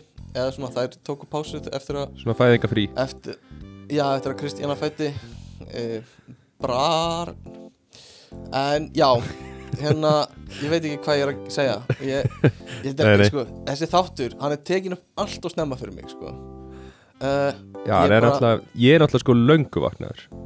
Já, ég bara er það ekki sko. Sko ég vakna átta Þannig að þú veist, dagur minn er hálnaður Já, ég bara Ég vaknaði fimm myndum áður en ég byrjaði að íta rekord sko.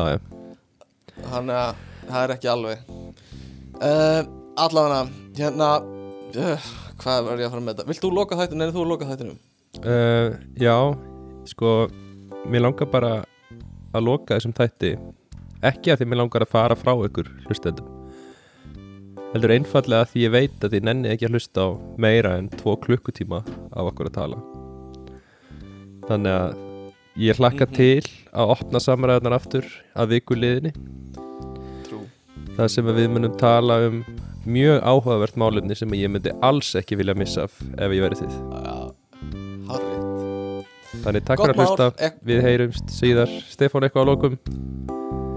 Nei, Ok, bye. Bye